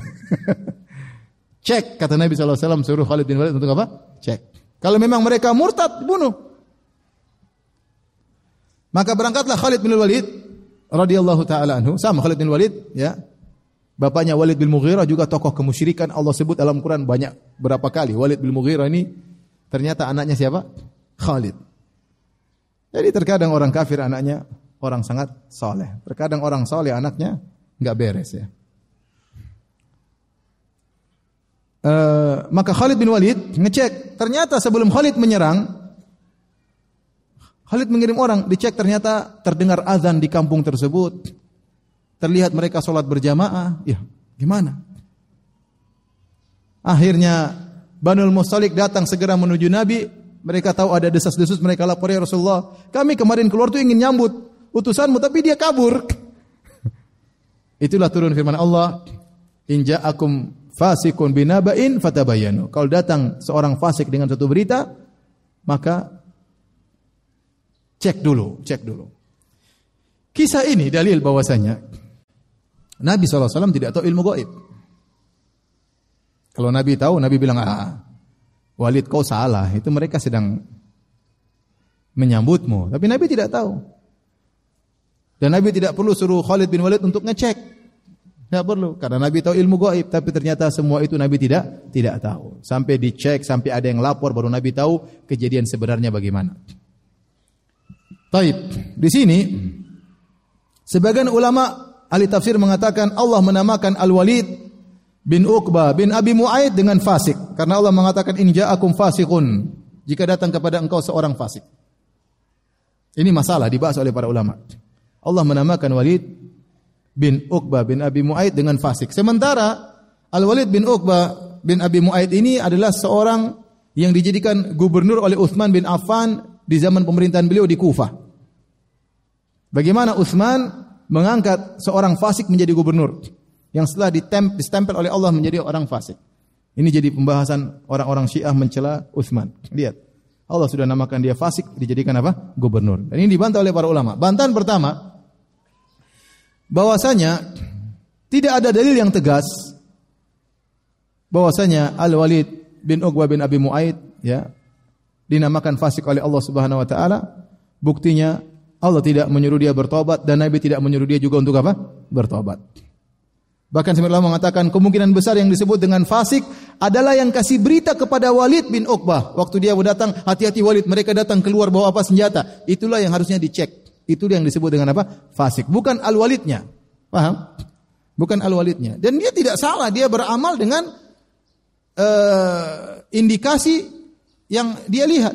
Bahkan Banul Mustalik datang minta maaf kepada Nabi. Ya Rasulullah kami kemarin keluar dengan pedang bukan untuk membunuh utusanmu.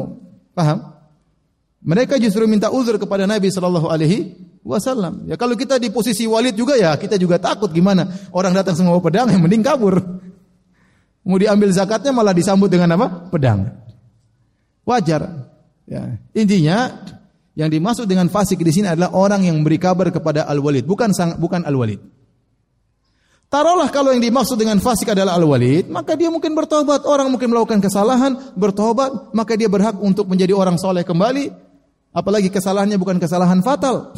Dia berprasangka dan prasangkanya salah. Taruhlah dia di, dikatakan dia fasik dan tidak pantas dikatakan fasik karena kesalahan dia sangat wajar. Namanya fasik itu orang ingin melanggar perintah Allah. Melakukan dosa besar itu namanya fasik. Ada sisi perendahan terhadap syariat Allah. Al-walid tidak. Kalau dia fasik, kenapa Nabi mengutus dia sebagai pemungut zakat? Paham? Kalau dia fasik, kenapa Nabi mengutus dia sebagai pemungut zakat? Intinya tidak benar dia seorang yang fasik. Ya. Dan kalau kita katakan dia pernah fasik, maka dia bertobat kepada Allah sehingga dia jadi mulia kemudian diangkat oleh Utsman bin Affan sebagai wali di Kufah. Taib.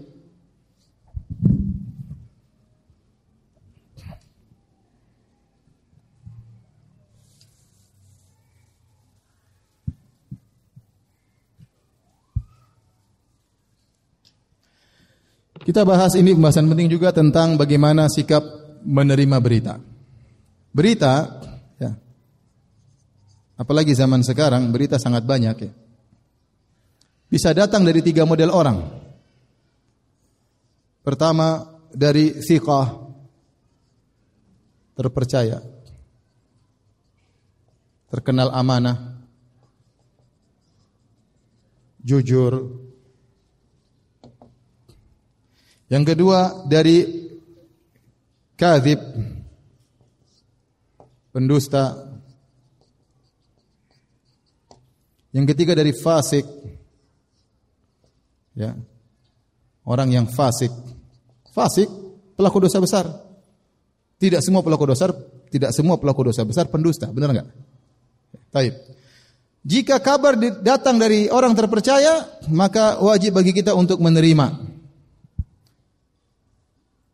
Makanya Allah mengatakan, Ya ayyuhalladzina amanu in ja'akum fasikum binaba'in fatabayyanu. Hai orang beriman, jika datang kabar dari orang fasik maka ceklah. Mafhumu khalafa dari ayat ini, kalau kabar tersebut datang dari orang yang jujur maka tidak perlu dicek. Karena dia apa? Jujur, terkenal amanah, tidak tidak ngomong sembarangan. Kalau menyampaikan berita dia sudah bisa dipastikan benar, maka terima berita tersebut. Paham? Tapi kalau datang dari pendusta harus ditolak karena dia pen pendusta. Meskipun kali itu dia sedang jujur. Karena kita tidak bisa bedakan kapan dia jujur, kapan dia apa? Dusta. Maka kapan dia datang berita kita tolak. Adapun jika datang dari orang fasik maka tabayyun, fatabayyanu, cross check terlebih dahulu. Inilah sikap kita dalam menerima berita. Ya ikhwan, saya tanya sama antum secara jujur. Berita yang antum nonton semua, ya baik di medsos, baik di YouTube, baik di Facebook, baik di televisi. Ini masuk yang mana?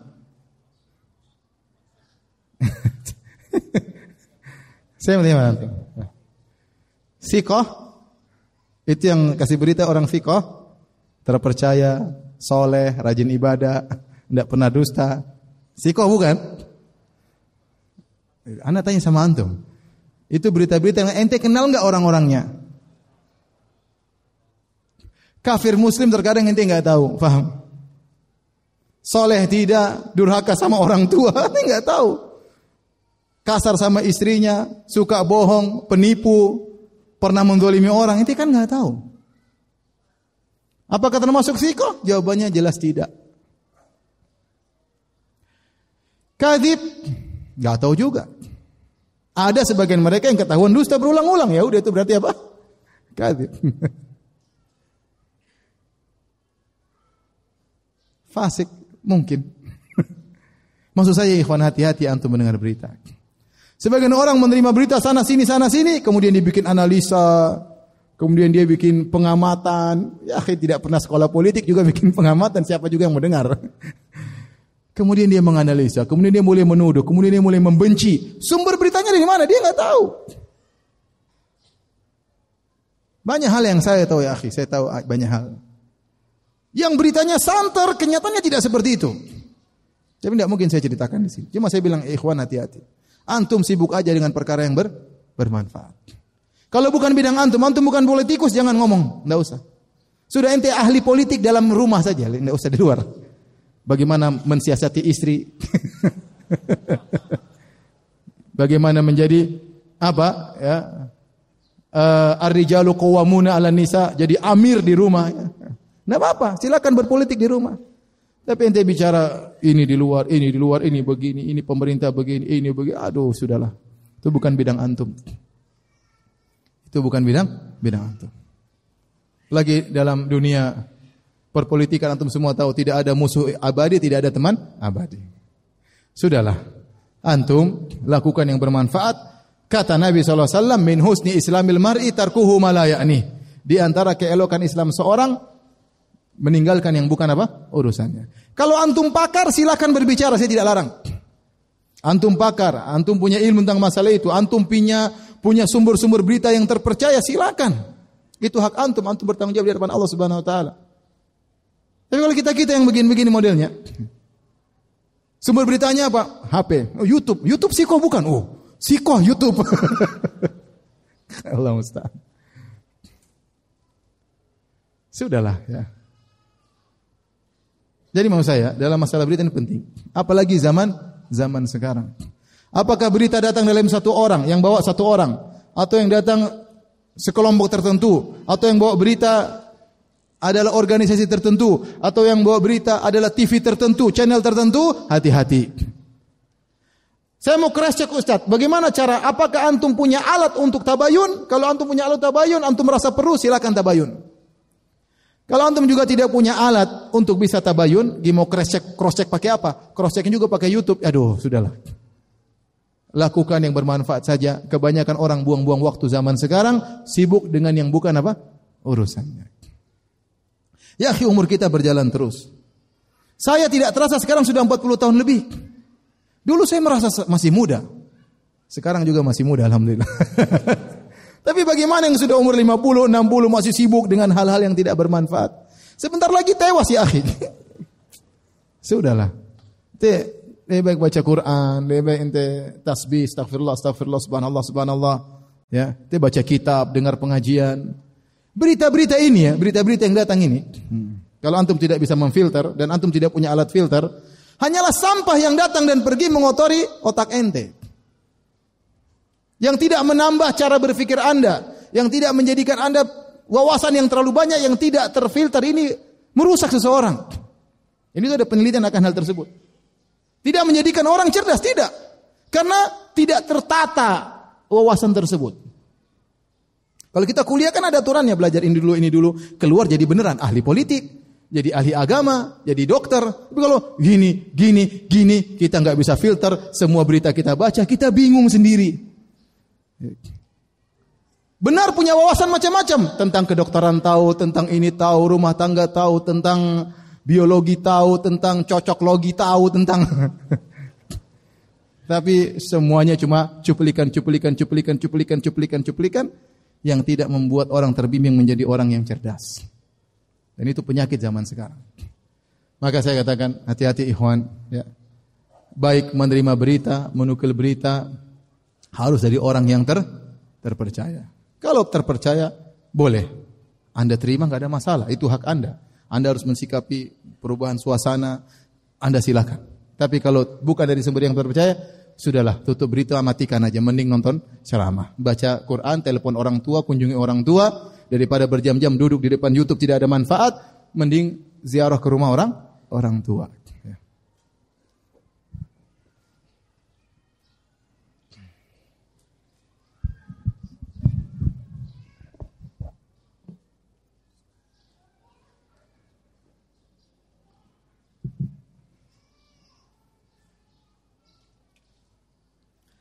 Taib.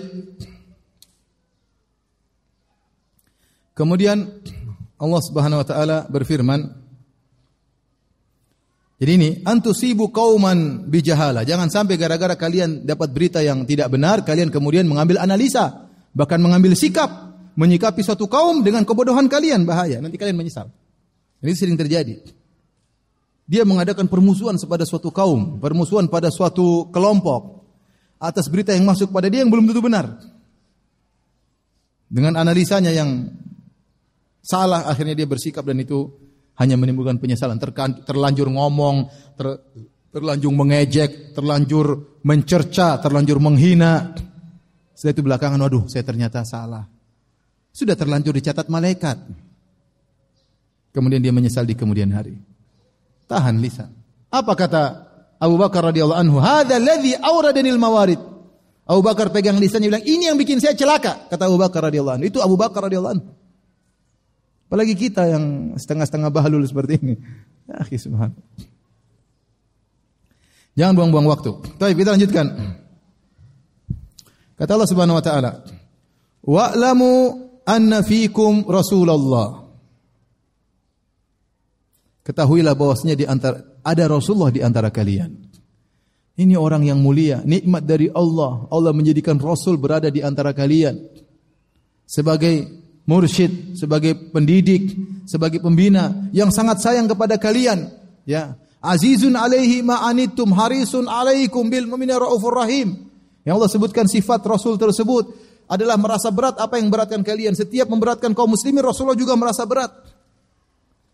Dan dia sangat bersemangat, harisun alaikum, bersemangat agar kalian mendapatkan manfaat. Bil mu'minin rahim, sangat sayang kepada kalian. Inilah ciri Rasul kalian. Wa alamu ketahuilah, di antara kalian ada siapa? Rasulullah SAW, nikmat yang luar biasa. Allah ingatkan, lau yuti'ukum fi kathiri minal amri la'anitum.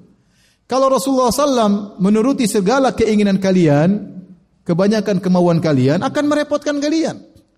Kenapa? Karena kita ini tidak tahu apa yang maslahat bagi kita. Bisa jadi kita ingin begini, kemudian Nabi ikuti, turun syariat, akhirnya menguntungkan kita, memberi kemudaratan kepada yang lain. Bisa jadi kita ingin sesuatu menurut kita maslahat, kemudian Nabi mengiyakan, Nabi mengiyakan ternyata maslahat itu cuma sebentar, ujungnya adalah kemudaratan. Yang lebih tahu tentang kita siapa? Allah Subhanahu wa taala. Kata Allah Subhanahu wa taala, "Ala ya'lamu man khalaq?" Bukankah yang menciptakan lebih tahu tentang yang Dia ciptakan? Yang ciptakan kita di semua Allah. Allah lebih tahu apa yang terbaik bagi kita. Kita boleh berangan-angan, kita boleh ingin tahu kayaknya maslahat bagi saya kalau begini, maslahat kalau saya jadi pemimpin, maslahat kalau saya jadi mudir, maslahat kalau saya jadi ustadz, maslahat kita nggak tahu. Allah berikan yang terbaik bagi kita. Ya. Maka Allah mengingatkan Lau yuti'ukum fi katsiri minal amri la'anitum. Kalau Rasulullah SAW menuruti kebanyakan keinginan kalian akan merepotkan kalian. Walakin Allah habbaba ilaikumul imana wa zayyanahu fi qulubikum. Tapi jangan khawatir. Kalau Rasulullah sebutkan syariat harus jalankan, ini haram, ini dikerjakan, Allah akan memberikan keimanan bagi hati kalian. Kalian akan merasa ringan mengerjakannya. Ya. Kalian akan merasa ringan apa? Mengerjakannya. Lama-lama mungkin orang pertama berat sholat, lama-lama mudah bagi dia. Kenapa? Habbaba ilaikumul iman. Allah yang bikin kalian cinta dengan iman. Sehingga tadinya sholat lima waktu berat menjadi ringan. Tadinya sholat berjamaah berat menjadi apa? Ringan. Tadinya bersedekah berat menjadi apa? Ringan. Jadi jangan merasa berat dengan apa yang Rasulullah perintahkan. Walakin Allah habbaba ilaikumul iman. Allah yang menjadikan kalian beriman. Wa zayyanahu fi qulubikum dan Allah menghiasi iman tersebut dalam hati kalian. Wa karraha ilaikumul kufra wal fusuq wal isyan. Allah membuat kalian benci dengan kekufuran, dengan kemaksiatan, dengan kefasikan. Ya Ustadz gimana saya ngaji? Kalau saya ngaji nggak boleh dengar musik lagi. Susah Ustadz. Tenang bisa. Suatu saat Anda akan tidak suka dengar apa? Musik. Memang berat bagi orang baru hijrah berat, tapi bisa dia tinggalkan. Ya Ustaz, saya kecanduan zina Ustaz. Kalau tidak berzina saya susah, gelisah. Bisa. Minta kepada Allah. Minta kepada Allah. Allah akan buat kau benci terhadap apa? Zina. Perjuangan memang. Ini namanya hidup ini perjuangan. Allah yang buat engkau benci kepada kekufuran. Allah yang buat kau benci kepada kefasikan. Allah yang buat kau benci kepada kemaksiatan. Ulaika humur rasyidun. Mereka adalah orang-orang yang rasyid, yang lurus, yang dapat petunjuk. Kata Allah, fadlam minallahi. Ini adalah karunia dari Allah, wa nikmah dan anugerah dari Allah. Wallahu alimun hakim. Sungguhnya Allah maha mengetahui dan maha bijaksana.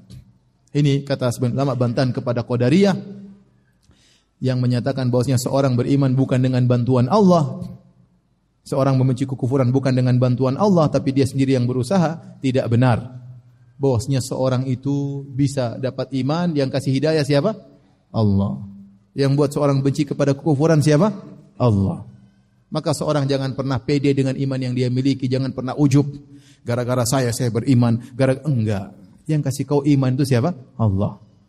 Yang buat kau tidak betah dengan kemaksiatan siapa? Allah Subhanahu wa taala.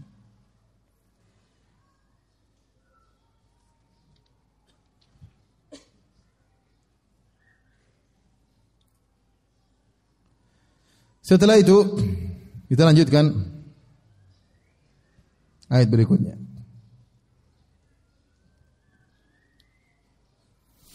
Kata Allah Subhanahu wa taala, "Wa in ta'ifatani minal mu'minina qatatalu." Kalau ada dua sekelompok kaum mukminin, mereka berperang, saling bunuh-bunuhan, bertempur, perang. Fa aslihu bainahuma, maka damaikanlah di antara keduanya. Fa in bagat ihdahuma 'alal ukhra. Kalau yang satu memberontak terhadap yang lainnya, faqatilul lati tabghi, maka perangilah yang memberontak tersebut. Hatta tafi'a ila amrillah sampai dia kembali kepada urusan Allah, perintah Allah Subhanahu wa taala. Fa in fa'at kalau dia kembali, fa aslihu bainahuma, maka damaikanlah kembali di antara keduanya. Bil adli wa aqsitu dengan adil, dengan ya sama dengan adil, dengan jujur Inna Allah yuhibbul muqsitin. Sungguhnya Allah mencintai orang-orang yang jujur. Ayat ini, banyak faedah dari ayat ini. Berbicara tentang bagaimana kalau ada dua sekelompok yang beriman yang bertengkar. Bukan cuma bertengkar mulut, sampai bertengkar perang-perangan sampai ingin bunuh-bunuhan. Yang satu membangkang, bugot kepada yang lainnya. Bagaimana hukumnya? Allah mengatakan fa aslihu bainahuma. Damaikanlah damaikanlah. Fa in bagat ihdahuma al-ukhra kalau ternyata satu tidak mau damai tetap memberontak maka perangi. Kata Allah Subhanahu wa taala. Kalau ternyata setelah berperang kemudian dia sadar dia kembali lagi, maka islah lagi, damaikanlah. Tapi dengan keadilan. Taib. Ini ada pembahasan penting tentang perbedaan antara khawarij dengan bugat dengan kuta'ut tariq. Ini istilah dalam syariat ada namanya istilah khawarij, ada istilah namanya bugot, pemberontak, ada namanya kuta utarik, yaitu perampok. Ya.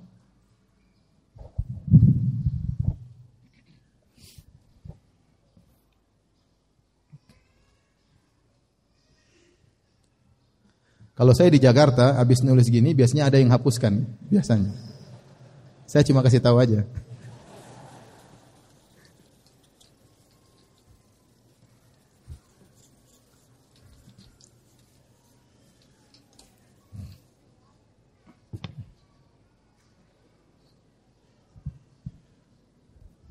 Taib. Sekarang uh, macam-macam orang yang memberontak terhadap pemerintah yang sah. Model-model pemberontak terhadap pemerintah yang sah. Seperti memberontak misalnya terhadap NKRI misalnya atau memberontak terhadap negara-negara Islam yang lainnya yang sah pemerintahannya ya. Baik, bagaimana hukumnya? Para ulama dalam buku-buku fikih mereka seperti Ibnu Qudamah dan juga di sini oleh Ibn Taimiyah rahimahullah taala mereka membagi menjadi tiga. Dijelaskan oleh para ulama zaman sekarang seperti Syekh Abdul Karim Al-Khudairi disebut oleh Syekh Abdul Aziz Saleh Saleh bin Abdul Aziz Al-Syekh hafizahumullah ya. Terbagi menjadi tiga. Yang pertama namanya Khawarij. Yang kedua namanya Al-Bughat. Yang ketiga namanya Qutta'ut Tariq.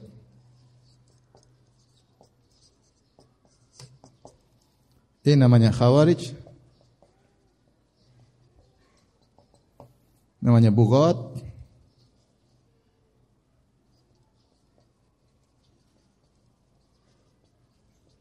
Namanya perampok, perompak atau perampok, perompak, perampok ya. Masing-masing punya hukum tersendiri. Bedanya di mana? Bedanya Khawarij biasanya mereka memberontak memberontak kepada pemerintah yang sah disertai dengan mengkafirkan.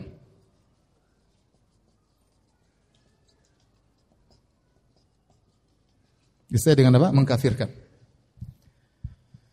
Ini jadi memberontak kepada pemerintah tapi sebelum memberontak pemerintah dia kafirkan dulu pemerintah. Dia kafirkan aparat pemerintah, ya. Dan ini di tanah air kita juga ada orang seperti begini, ya. Ya, kemudian ngebom sana, ngebom sini misalnya. Semua itu dilakukan di atas pemikiran bahwasanya pemerintah semuanya apa? Kafir. Ya. Sebagian mereka bahkan mengkafirkan dengan MLM. Ya. Misalnya mereka mengatakan MPR kafir. Tapi DPR juga kafir. Yang membantu proses terjadinya MPR DPR juga semuanya kafir. Yang jualan es di gedung MPR juga apa? Kafir. Yang meragukan kekafiran mereka juga kafir. Begitu sebagian mereka seperti itu. Yang ikut pemilu nyoblos kafir karena itu berkaitan dengan apa? Pemilihan pemerintah. Semua yang berkaitan dikafirkan oleh mereka. PNS semuanya apa? Kafir. Dan itu ada. Dan itu pemikiran khawarij. Cuma tinggal mereka action atau tidak itu aja. Tinggal mereka bertindak atau tidak. Maka perlu membedakan khawarij adalah orang-orang yang keluar dari pemerintah. Kalau khuruj artinya keluar dari ketaatan. Itu namanya secara bahasa, khuruj. Secara bahasa.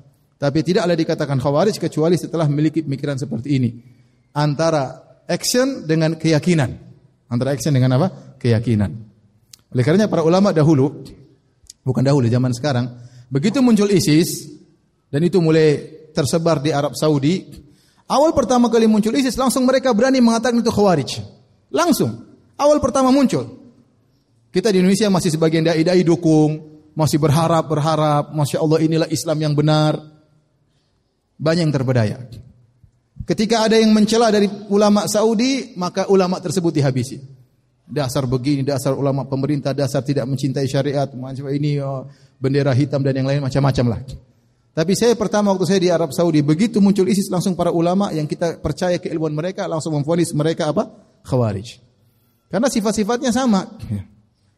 Nah, apalagi pemikiran tersebut masuk ke dalam Arab Saudi. Sampai terjadi apa? Seorang anak memotong, membunuh sepupunya dan dia videokan dirinya.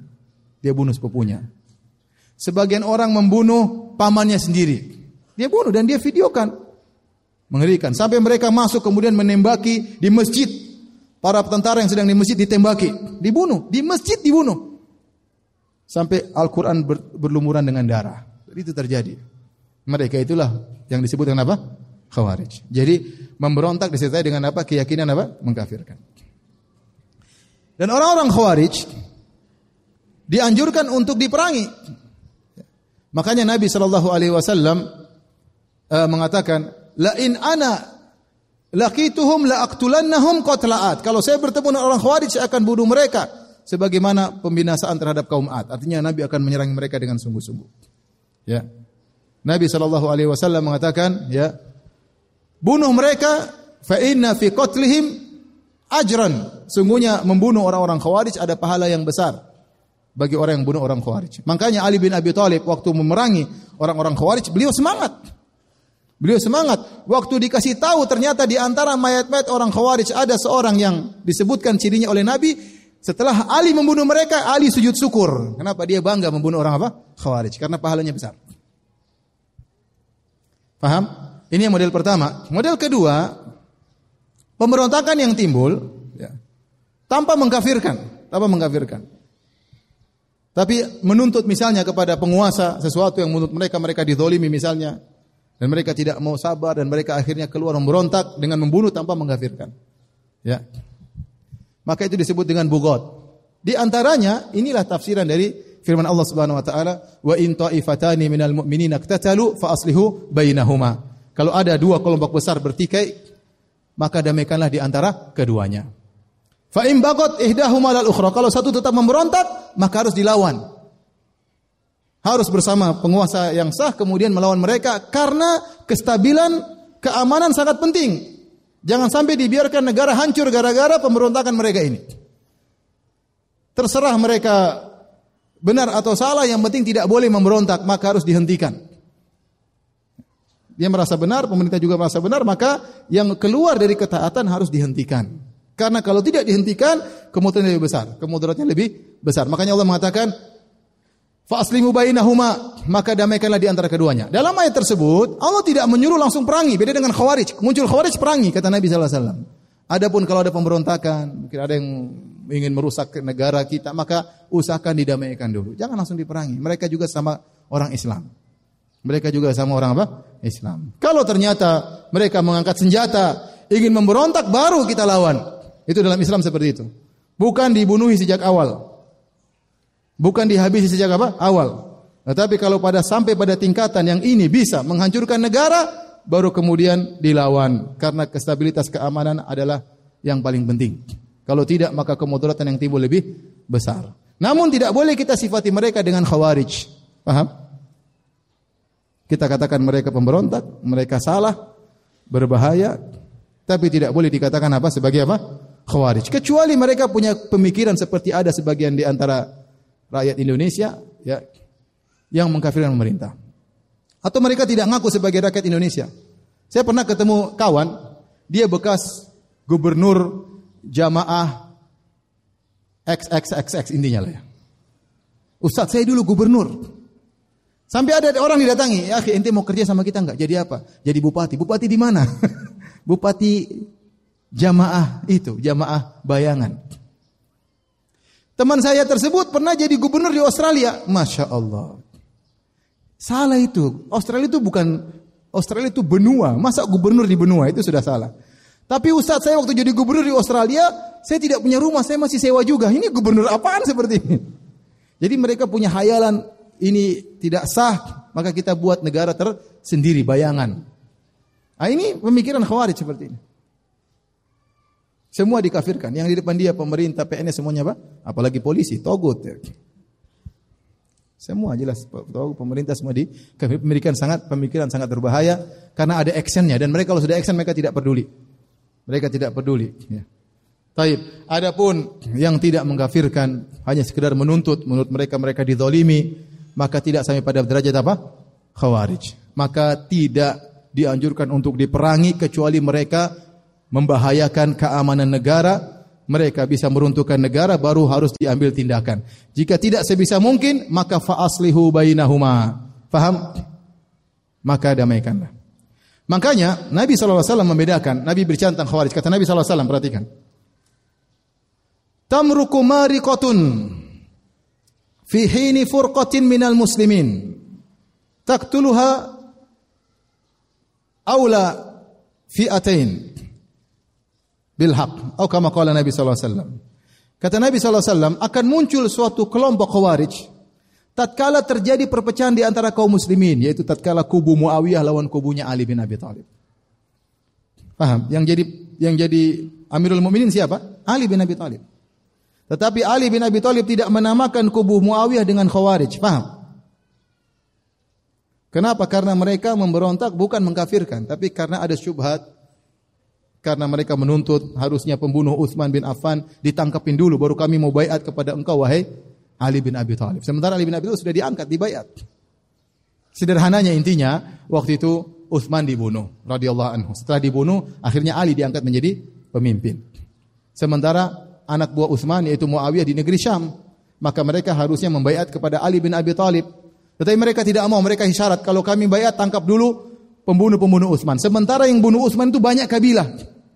Ali bin Abi Thalib, beliau cerdas. Kalau saya tangkap ini pembunuh, rusak negara. Stabilitas aman kehilang-hilang, rusak. Karena saya harus melawan suku begitu banyak karena mereka bersatu padu tatkala ingin bunuh siapa? Utsman.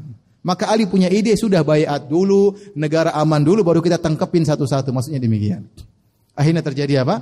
Peperangan itu pun sebenarnya sudah damai, tapi orang-orang Khawarij tidak terima. Maka sebagian mereka masuk di kubunya Muawiyah, sebagian mereka masuk di kubunya Ali, kemudian mereka saling menyerang sehingga kubunya Ali menyangka kubu, kubu Muawiyah berkhianat dan kubu Muawiyah radhiyallahu anhu merasa merasa kubu Ali juga berkhianat padahal ada susupan dari dua belah pihak. Terjadi fitnah apa yang terjadi. Tetapi maksud saya Ali bin Abi Thalib tidak menamakan kubu Muawiyah dengan apa? Khawarij. Paham sampai sini?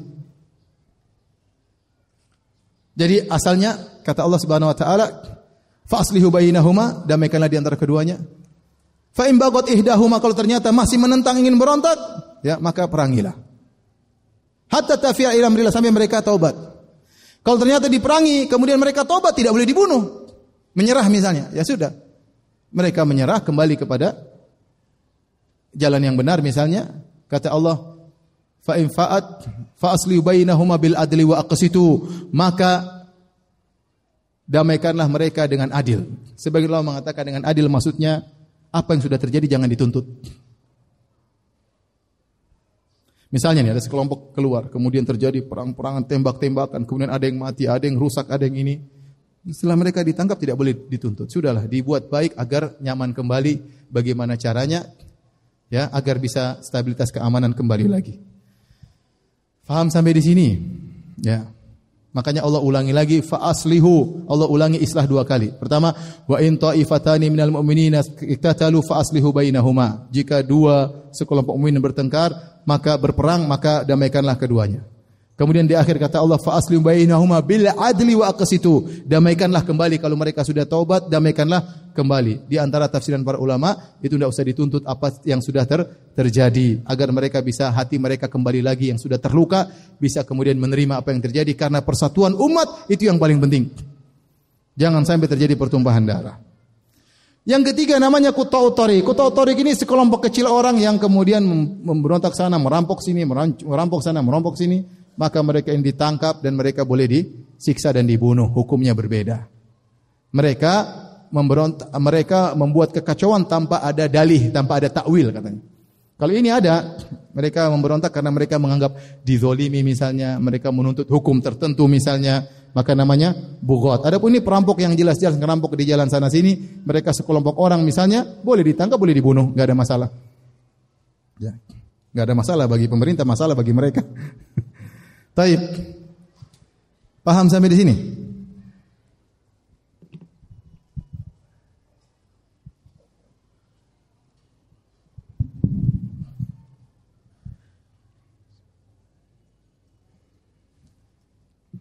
Baru mau dua jam, santai sebentar.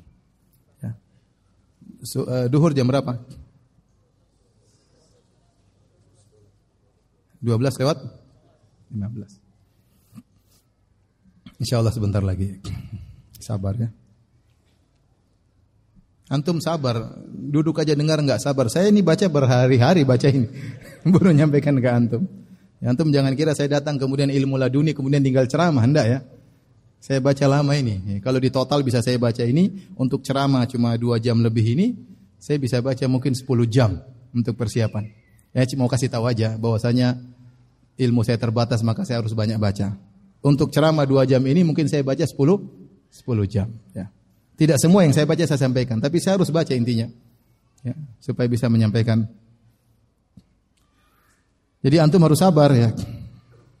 Saya datang dari jauh loh ya dari Jakarta. Ya. Baik.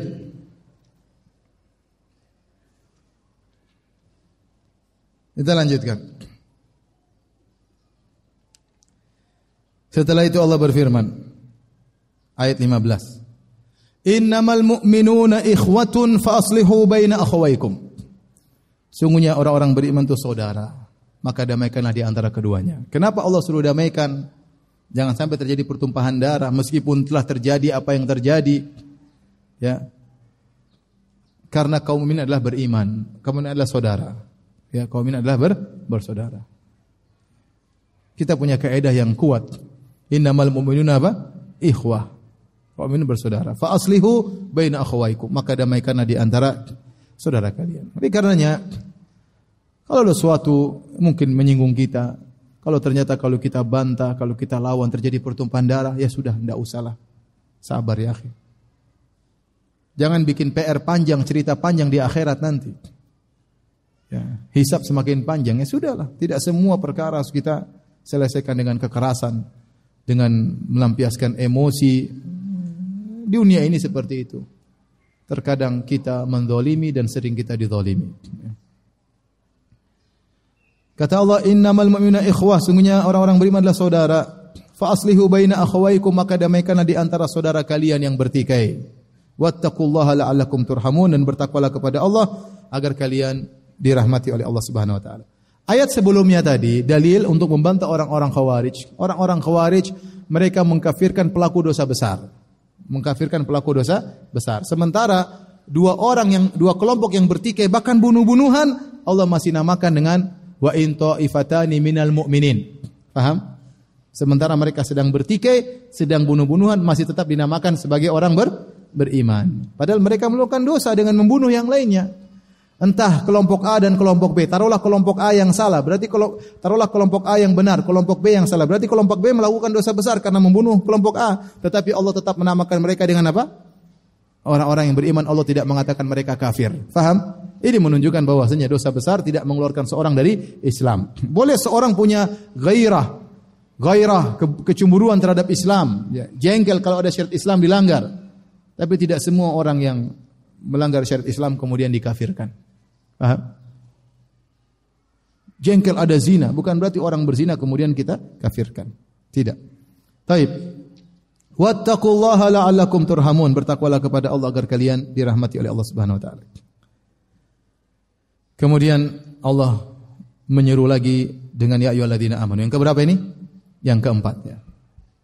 Kata Allah Subhanahu wa taala, Ya ayyuhalladzina amanu la yaskhar qaumun min qaumin asa an yakunu khairan minhum. Wahai orang-orang yang beriman, janganlah suatu kaum mengejek kaum yang lain. Bisa jadi yang diejek lebih baik daripada yang mengejek. Wala nisaun min nisain. Dan jangan sebagian kelompok sekelompok wanita mengejek sekelompok wanita yang lain. Asa an yakunna khairan minhunna. Bisa jadi sekelompok wanita yang diejek lebih baik daripada yang mengejek wala talmizu anfusakum dan jangan kalian mencela diri kalian wala tanabazu bil alqab dan jangan kalian memberi gelar-gelar yang buruk Bi'sal ismul fusuqu ba'dal iman. Seburuk-buruk nama adalah kefasikan setelah keimanan. Wa man lam yatubu faulaika humudz zalimun. Barang siapa yang tidak bertobat maka mereka termasuk orang-orang yang zalim. Jadi kan di sini Allah Subhanahu wa taala berfirman, janganlah suatu kaum mengejek suatu kaum yang lain. Jadi setelah Allah membuat kaidah, perhatikan sini, innamal mu'minuna ikhwah, sungguhnya orang beriman adalah bersaudara. Setelah itu Allah menyebutkan seluruh adab-adab yang harus diperhatikan, perkara-perkara yang bisa merusak persaudaraan diharamkan. Dan ini menakjubkan dalam syariat Islam. Semua perkara yang bisa mengantarkan kepada persatuan disyariatkan dan itu banyak. Contoh seperti solat berjamaah, contoh seperti senyum, contoh seperti berjabat tangan, mengucapkan salam, Kata Nabi, la tahkirana minal ma'rufi syai'an walau antalqa akhaka biwajhin talik. Jangan kau meremehkan kebaikan sedikit pun meskipun hanya tersenyum kepada saudara. Kenapa? Karena senyuman itu mengantarkan kepada persahabatan, kepada persatuan, menghilangkan berbagai macam penyakit hati di antara di antara manusia, di antara para akhwat, di antara para umahat, di antara para ikhwan, di antara para ustadz, di antara para panitia. Senyum, tebarkan salam, kirim salam, eh kirim salam saya kepada si fulan. Itu ada pengaruhnya. Itu ada pengaruhnya. Afsus salam bainakum. Kata Nabi tebarkanlah salam di antara kalian. Apalagi seorang bertemu kemudian dia mengucapkan salam dengan senyuman, dipegang tangannya berpelukan subhanallah. Tadi mungkin sebelumnya ada penyakit banyak hilang semuanya. Hilang semuanya. Jadi saya ingatkan segala perkara yang bisa mendatangkan persatuan maka disyariatkan dalam Islam. Bahkan boleh berbohong demi mendamaikan. Bayangkan, boleh bohong demi apa? Mendamaikan dua orang yang sedang bermusuhan. Boleh. Padahal bohong itu dosa, tapi untuk persatuan Allah menghalalkan dusta. Sebaliknya segala perkara yang bisa bisa merusak persaudaraan maka semuanya diharamkan. Ini di antaranya. Tidak boleh mengejek, tidak boleh gibah, tidak boleh memberi gelar. Allah sebutkan dalam surat Al-Hujurat. Semua perkara Sampai kata Nabi sallallahu alaihi wasallam, ya. La tadabaru wa la taqa'atu wa la tahassasu wa la taja wa la tajassasu. Ya. Wa la tahajaru. Hadis Rasulullah sebut jangan tahassus, jangan tajassus, jangan saling balik belakang ya. La, kemudian la tanajasu jangan saling membuat najas dalam masalah perdagangan ya. Kemudian kata Nabi wala yabi ba'dukum ala bai akhihi jangan seorang menjual di atas penjualan saudaranya. Temannya sudah jual mobil harganya 200 juta. Dia datang kepada pembeli. Ente beli sama si dia berapa? 200 juta. Udah beli sama saya aja 170 juta. Akhirnya dia batalin. Akhirnya dia beli sama kita. Kita ribut sama ini. Wah sudah. Bukan cinta segitiga, ribut segitiga akhirnya. Nah boleh. Bahkan kata Nabi wasallam, "Wala yakhtibur rajulu ala khidbati akhihi." Jangan seorang melamar di atas lamaran saudaranya. Sudah tahu ada saudara kita ngelamar akhwat. Kita sudah tahu. Kita juga maju ngelamar. Nah boleh. Kecuali akhwatnya menolak, baru kita lamar berikutnya. Adapun teman kita sudah ngelamar, dia sudah kumpulin uang lama, kemudian setahun dia kumpulkan uang, dia beli motor baru, kemudian dia pergi ke calon mertua, dia melamar. Tiba-tiba besok kita bawa mobil baru ya. Tidak ada namanya cinta buta zaman sekarang. Akhwat bisa bedakan mana motor mana mobil. ya, ya sudah akhirnya ente bikin masalah. Ya akhirnya sudah kumpulkan uang setahun beli motor ente haji. Kebaikan setahun dihapus dengan mobil sehari. Ya, Menimbulkan keributan, makanya Nabi larang tidak boleh. Semua perkara yang bisa mengantarkan kepada pertikaian tidak boleh gibah, namimah semuanya nggak boleh. Semuanya nggak boleh. Di antaranya tidak boleh mengejek. Kata Nabi SAW, Bihasbi mri'im minasyarri an, yakha, an, an yahkira akhahul muslim. Cukuplah seorang dilakukan melakukan keburukan, dikatakan buruk jika dia merendahkan saudaranya. Tidak boleh. Sampai Ibn Daqiq id perkataan yang sangat indah dalam syarah uh, Arba'in Nawawi dia mengatakan bagaimana Anda merendahkan saudara Anda muslim ini setelah Allah muliakan dia. Allah menyatakan seorang muslim lebih mulia daripada Ka'bah. Allah mengatakan bahwasanya hilangnya dunia dan isinya lebih berat di sisi Allah daripada tertumpahnya darah seorang muslim. Allah kirim Rasul agar memberi hidayah kepada dia. Allah turunkan Al-Quran agar dia bisa menyembah Allah. Allah setelah Allah muliakan dia, ente menghina dia. Enggak boleh. Makanya tidaklah seorang merendahkan orang lain kecuali dia yang buruk biasanya. Dan ini pernyataan para mufassirin di antaranya Sa'di rahimahullah taala. Makanya Allah mengatakan, "Asa an yakunu khairan lahum." Bisa jadi yang diejek lebih baik daripada yang mengejek. Kenapa? Karena kebanyakan orang mengejek pasti ada penyakit dalam dirinya. Makanya dia sombong, dia ujub, makanya dia meremehkan, dia merendahkan, menghina, ya. Bisa jadi dan itu sering terjadi bahwasanya yang mengejek ternyata lebih buruk daripada yang di diejek. Bukan dari zahirnya tapi batinnya yang rusak. Dan yang Allah pernah pertama nilai adalah batinnya. Kemudian Allah mengkhususkan wala nisaun min nisain. Saya bacakan perkataan Al-Imam Al-Qurtubi rahimahullah taala. Jadi pertama Allah mengatakan, "Ya ayyuhalladzina amanu la yaskhar qaumin qaumin wahai orang beriman jangan suatu kaum menghina kaum yang lain." Kaum ini mencakup laki-laki dan perempuan. Kaum mencakup laki-laki dan perempuan. Tidaklah disebut kaum kecuali mencakup wanita dan laki-laki. Makanya Allah mengatakan walaqad arsalna nuhan ila qaumihi. Sungguh kami telah mengutus Nuh kepada kaumnya, maksudnya laki-laki dan perempuan. Setelah Allah menyebutkan laki-laki dan perempuan jangan mengejek, Allah khususkan perempuan. Disebutkan secara khusus kenapa? Berkata Al-Imam Al-Qurtubi rahimahullahu taala, afrodan nisaa bidzikri. Allah menyendirikan penyebutan wanita Lianna sukhriyata minhum ak minhunna akthar karena ejek mengejek di antara mereka lebih banyak. Yang lebih hobi ngejek itu ibu-ibu daripada bapak-bapak. Ibu-ibu itu bahan ejekan banyak. Lihat temannya tasnya lebih jelek, tas lama masih dipakai. Lihat HP-nya sudah lama, HP jadul masih dibawa-bawa. Subhanallah. Main ke rumahnya, rumahnya jorok. Ketemu suaminya, suaminya hitam. Semuanya jadi bahan ejekan ibu-ibu. Anaknya ingusan tidak di aduh, pokoknya ibu-ibu itu begitu omongannya ya. Makanya Allah khususkan penyebutan wanita karena ejekan di antara wanita lebih banyak daripada laki-laki. Laki-laki juga suka mengejek iya. Tapi perempuan lebih banyak, maka dikhususkan penyebutannya secara khusus Karena kata Imam Qurtubi rahimahullah taala, li'anna sukhriyata minhunna akthar. Karena ejekan paling banyak dari para ibu-ibu. Dengar ibu-ibu tidak? Alhamdulillah ya. Harus tahu diri ya.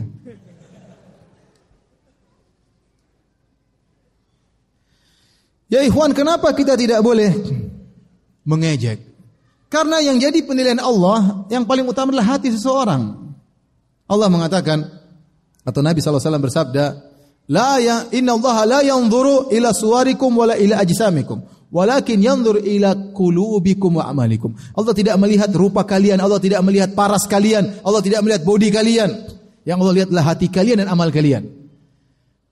Sebagian ibu-ibu mengecilai, eh, jelek, pesek, nonong ya. Ya akhi subhanallah. Allah tidak bisa jadi dia nonong tapi surganya tinggi. Emang kalau ente lebih cantik, lebih bening misalnya kemudian surganya lebih tinggi? Allah tidak menilai itu. Tidak pernah Allah bikin aturan yang paling cantik surganya paling tinggi. Kalau begitu salon syar'i nanti, semua orang pada ke salon, pingin paling cantik surganya paling tinggi. Tidak ada seperti itu. Yang Allah lihat hatinya. Lihatlah imratun sauda Ibn Abbas mengatakan, "Ala adulukum ala imratin min ahli jannah." Maukah aku tunjukkan kepada kalian seorang penghuni surga, imratun sauda wanita berkulit hitam. Kenapa? Karena dia sabar. Hadis yang masyhur. Dia sabar. Jadi Allah tidak lihat penampilan, bukan rupa kita, bukan karena tas kita tas mahal, bukan karena mobil kita mobil mewah, kemudian kita surganya tinggi, tidak ada urusannya. Yang Allah lihat adalah hati kalian. Yang paling menderita sudah jelek, miskin, sombong lagi, itu paling menderita. sudah luar buruk, dalam lebih buruk. Namun kita jangan terpedaya dengan penampilan zahir. Kenapa orang merendahkan orang lain? Karena dia merasa orang lain lebih rendah daripada dia. Sudahkah Anda pernah melihat penilaian Allah terhadap Anda dan dia mana yang lebih tinggi kedudukannya? Tanya sama malaikat, malaikat saya dengan dia mana lebih bagus? Oh kamu sembilan, dia tujuh ya boleh ente ngejek. Ente kan tidak tahu bagaimana kedudukan Anda di sisi Allah. Bisa jadi depan ini orang biasa, mungkin dia melakukan sedikit maksiat, tapi ternyata dia tinggi di sisi Allah Subhanahu Wa Taala. Ada amal soleh yang dia tidak tahu. Mungkin dia tidak pernah sombong, dia tidak ujub, dia tidak dengki, dia tidak hasad. Mungkin dia diam-diam begini berbakti kepada orang tuanya semampunya. Ente nggak tahu. Apakah ente pernah ngecek dia seluruh apa yang dia kerjakan? Ente nggak tahu. Ente bukan intel. Ente pun hanya intel-intel luarnya. Dalam hati ente tidak pernah mengintel isi hati seorang. Ente nggak tahu. Imam Qurtubi rahimahullah berkata,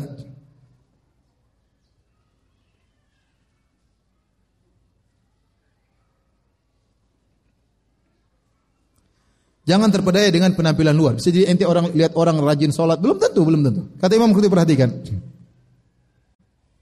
Tentang hadis, Inna Allah la yang ila suarikum wa la ila ajsamik. Allah tidak melihat rupa kalian, tidak melihat paras kalian, tapi Allah lihat isi hati kalian dan amalan kalian.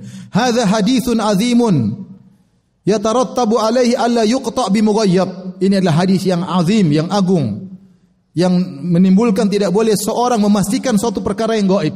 Masalah hati goib. Dia tidak tahu semuanya. Maka tidak boleh dia pastikan dia lebih buruk daripada saya. Tidak boleh. Bi ahadin lima yaro alaihi min suari a'mali ta'ati awil mukhalafa. Jangan dia menghukumi seorang itu buruk di hadapan Allah atau tinggi gara-gara amal zahir yang dia lihat. Apakah kebaikan ataupun penyimpangan. Fala Allah man yuhafidha man yuhafidhu ala al-a'mali adh-dhahirah ya'lamu Allah min qalbi wasfan madhmuman la tasihu ma'ahu tilkal a'mal. Kata Imam bisa jadi ada orang yang rajin mengamalkan amal soleh, tapi Allah tahu isi hatinya buruk yang membuat amalannya tidak sah. Misalnya dia ria, kita nggak tahu dia ujub. Bukankah ria mengugulkan amal? Bukankah ujub mengugulkan amal? Kita nggak tahu. Wala alla man ra'aina alaihi tafritan aw ma'siyatan ya'lamu Allah min qalbi wasfan mahmudan yaghfiru lahu bisawa. Bisa jadi ada orang kita lihat dia melakukan maksiat, tapi ternyata dalam isi hatinya ada amal kebajikan luar biasa, keikhlasannya, ketulusannya, tenggang rasanya yang tinggi, tawaduknya yang menjadikan maksiatnya diampuni oleh Allah Subhanahu wa taala. Fal a'malu amaratun dhaniyah. Apa yang kita lihat di depan kita tanda-tanda yang zon, tidak memberi kepastian bahwasanya kalau orang ini salat berarti hatinya bersih. Kita nggak ada yang pasti. La adilatun qat'iyah, bukan dalil yang pasti. Oleh karenanya, ngapain kita merendahkan orang? Antum lihat orang mungkin secara ekonomi rendah daripada antum, mungkin dia jarang ke masjid. Belum tentu dia anti daripada dia. Apakah Anda pernah lihat nilai Anda di sisi Allah dibandingkan dia? Anda tidak pernah tahu. Anda tidak pernah tahu. Baik, kita lanjutkan kata Allah Subhanahu wa taala, "Wala talmizu anfusakum." Janganlah kalian mengejek diri kalian. Bayangkan Allah di sini mengatakan wala talmizu anfusakum. Jangan kalian ejek diri kalian. Siapa yang mau ngejek dirinya sendiri? Tapi maksud ayat ini janganlah sebagian kalian mengejek sebagian yang lain. Tetapi Allah menyatakan kalian seakan-akan satu kesatuan. Kalau kalian mengejek sebagian kalian, berarti kalian mengejek diri kalian karena kalian adalah al-mu'minuna ikhwah kaum ini itu bersaudara. Jika yashuddu ba'dhum ba'dhum ba'dha, saling menguatkan di antara mereka. Kajasadin wahid, seperti jasad yang satu, orang-orang beriman. Ya. Makanya kalau kita mengejek yang lain, sebenarnya kita mengejek diri kita sendiri dan ini suatu ungkapan yang sangat indah dari Allah. Jangan kalian mengejek diri kalian. Karena kalau kalian mengejek sebagian kalian berarti kalian mengejek diri diri kalian juga. Apa yang disebut dengan lams? Lams mengejek, maka ada definisi yang banyak dari para ulama apa bedanya lams, apa bedanya goms. Tetapi intinya kata Tahir bin Ashur dalam tafsirnya Tahrir wa Tanwir, Tanwir maksudnya wala talmizu anfusakum itu jangan kalian mengejek di depan dia. Untuk membedakan antara gibah dan bukan. Kalau gibah kita ngejek di belakang, main belakang. Tidak berani ngejek depan. Tapi kalau lams berani. Ente goblok di depan dia. Ini namanya lams. Ya. Ini menurut Tahir Ibn Asyir. Tentunya ada khilaf kalian para ulama tentang makna lams. Ini untuk membedakan antara gibah dengan ejekan di depan, ya. Maka yang ejekan depan namanya lams, ejekan di belakang namanya gibah. Kemudian kata Allah Subhanahu wa taala, "Wala tanabazu bil alqab" dan jangan kalian saling memberi gelaran-gelaran yang buruk. Tidak boleh. Kalau gelaran yang baik tidak ada masalah. Yang dilarang adalah gelaran yang yang buruk. Menggelari si fulan dengan gelaran yang buruk enggak boleh. Kata Allah, "Bi'sal fusuqu ba'dal iman." Sebisa sebaik seburuk-buruk nama adalah kefasikan. Ya, ada dua tafsiran maksudnya engkau memberi gelar yang buruk tersebut, gelar buruk tersebut tidak pantas setelah dia kita tahu dia orang beriman. Kita tahu dia orang beriman, kita beri gelar dengan gelaran yang buruk itu tidak pantas. Bi'sal ismul fusuqu ba'dal iman. Tidak pantas menggabungkan antara nama yang buruk dengan keimanan. Allah sudah kasih nama dia iman, orang beriman, ente kasih gelar nama buruk. Tidak boleh. Ini tafsiran pertama. Tafsiran kedua, engkau membeli gelar buruk kepada orang lain itu adalah perbuatan fasik. Engkau memberi gelar buruk kepada saudaramu adalah perbuatan apa? Kefasikan. Makanya kata Nabi SAW, uh, eh, sibabul muslim fusukun. Mencela sama muslim adalah kefasikan. Ya. Intinya, makanya setelah itu Allah mengatakan, "Maman lam yatubu faulaika zalimun." Barang siapa tidak bertobat, maka dia adalah orang-orang yang yang zalim. Ya. Taib. Menunjukkan bahwasanya memberi gelar-gelar yang buruk ini adab ya. Kita jangan terpancing kemudian kita beri gelar-gelar orang tidak usahlah. Ya. Antum mau nasihati nasihati aja nggak ada masalah. Dengan cara yang baik sudah tugas antum di hadapan Allah. Saya misalnya saya ustaz. Kalau saya lihat kemungkaran saya bantah, harus. Kalau saya tidak bantah saya diminta pertanggungjawaban oleh Allah Subhanahu wa taala. Meskipun resikonya macam-macam. Tapi tidak usah kemudian memberi gelar-gelar. Bantah-bantah selesai sudah. Selesai. Ya, namanya kadang kita emosi, apalagi saya masih muda ya. Kata istri saya, saya masih muda. Jadi emosi akhirnya saya ungkapin macam-macam itu berarti kesalahan saya. Saya tidak mengikuti adab yang diajarkan oleh Allah Subhanahu wa taala. Kemudian setelah itu Allah berfirman. Selanjutnya ya ayyuhalladzina amanu ini yang terakhir ya ayyuhalladzina amanu wahai orang-orang yang beriman. Allah mengkhususkan yang kelima ini ya ayyuhalladzina amanu karena Allah akan berbicara tentang perkara-perkara kezaliman yang la yatafattan al-mazlum bihi. Orang yang dizalimi tidak sadar. Itu perbuatan-perbuatan buruk bukan di depan dia. Seperti gibah, seperti tajasus, itu kan dia tidak tahu. Padahal dia sedang ditajasusi oleh orang lain. Ternyata dia digibahi oleh saudaranya. Maka Allah mengkhususkan dosa-dosa berikut ini berkaitan dengan dosa-dosa yang kezaliman yang orang dizalimi tidak sadar, saudara kita tidak tahu. Kata Allah, "Ya ayyuhalladzina amanu jitanibu katsiran minadh-dhann, inna ba'dadh-dhanni itsm." Wahai orang yang beriman, jauhilah kebanyakan perbuatan persangkaan. Sungguhnya sebagian persangkaan adalah dosa. kita tidak boleh berprasangka buruk kepada seorang yang zahirnya baik, tidak boleh. Berprasangka buruk kepada orang yang zahirnya baik dosa. Apakah persangkaan kita benar atau salah tetap dosa. Paham ya? Kita hanya boleh berprasangka kepada orang yang mungkin pelaku maksiat, boleh. Kita boleh berprasangka kepada orang kafir, prasangka buruk, boleh. Orang terkenal berbuat kejahatan, orang berbuat kurang ajar, kita boleh prasangka buruk sama dia, boleh. Tapi kalau orang beriman yang soleh, asalnya soleh, zahirnya soleh, kita prasangka sama dia, prasangka buruk, prasangka kita benar pun kita tetap dosa. Apalagi persangkaan kita apa? Salah. Paham atau tidak? Karena Allah melarang. Ijtanibu katsiran minadh-dhann. Jauhilah kebanyakan persangka. Makanya Nabi SAW mengatakan, Iyakum wadhan, fa inna dhanna akzabul hadith. Hati-hati kalian dengan dus, dengan persangkaan. Karena persangkaan buruk adalah perkataan yang paling dusta. Kenapa Nabi mengatakan perkataan yang paling dusta lebih daripada dusta yang sesungguhnya? Ngerti pertanyaan saya? Nabi mengatakan fa inna dhanna akdzabul hadis. Persangkaan adalah perkataan yang paling dusta. Bahkan lebih dusta daripada perkataan yang dusta. Kenapa? Kalau orang dusta, dia sadar dia sedang berdusta. Tapi kalau orang berprasangka buruk, dia menyangka dia benar. Padahal itu kedustaan. Makanya Nabi sifati dengan akdzabul hadis, perkataan yang paling dusta. Karena dia merasa dia benar. Dia tertipu dua, dia sudah salah sangka dan dia merasa dirinya benar. Ini dalil bahwasanya persangkaan yang ada dalilnya boleh, tidak ada masangka, masalah persangkaan buruk karena ada indikasinya boleh. Yang jelas ya, indikasi yang jelas ya.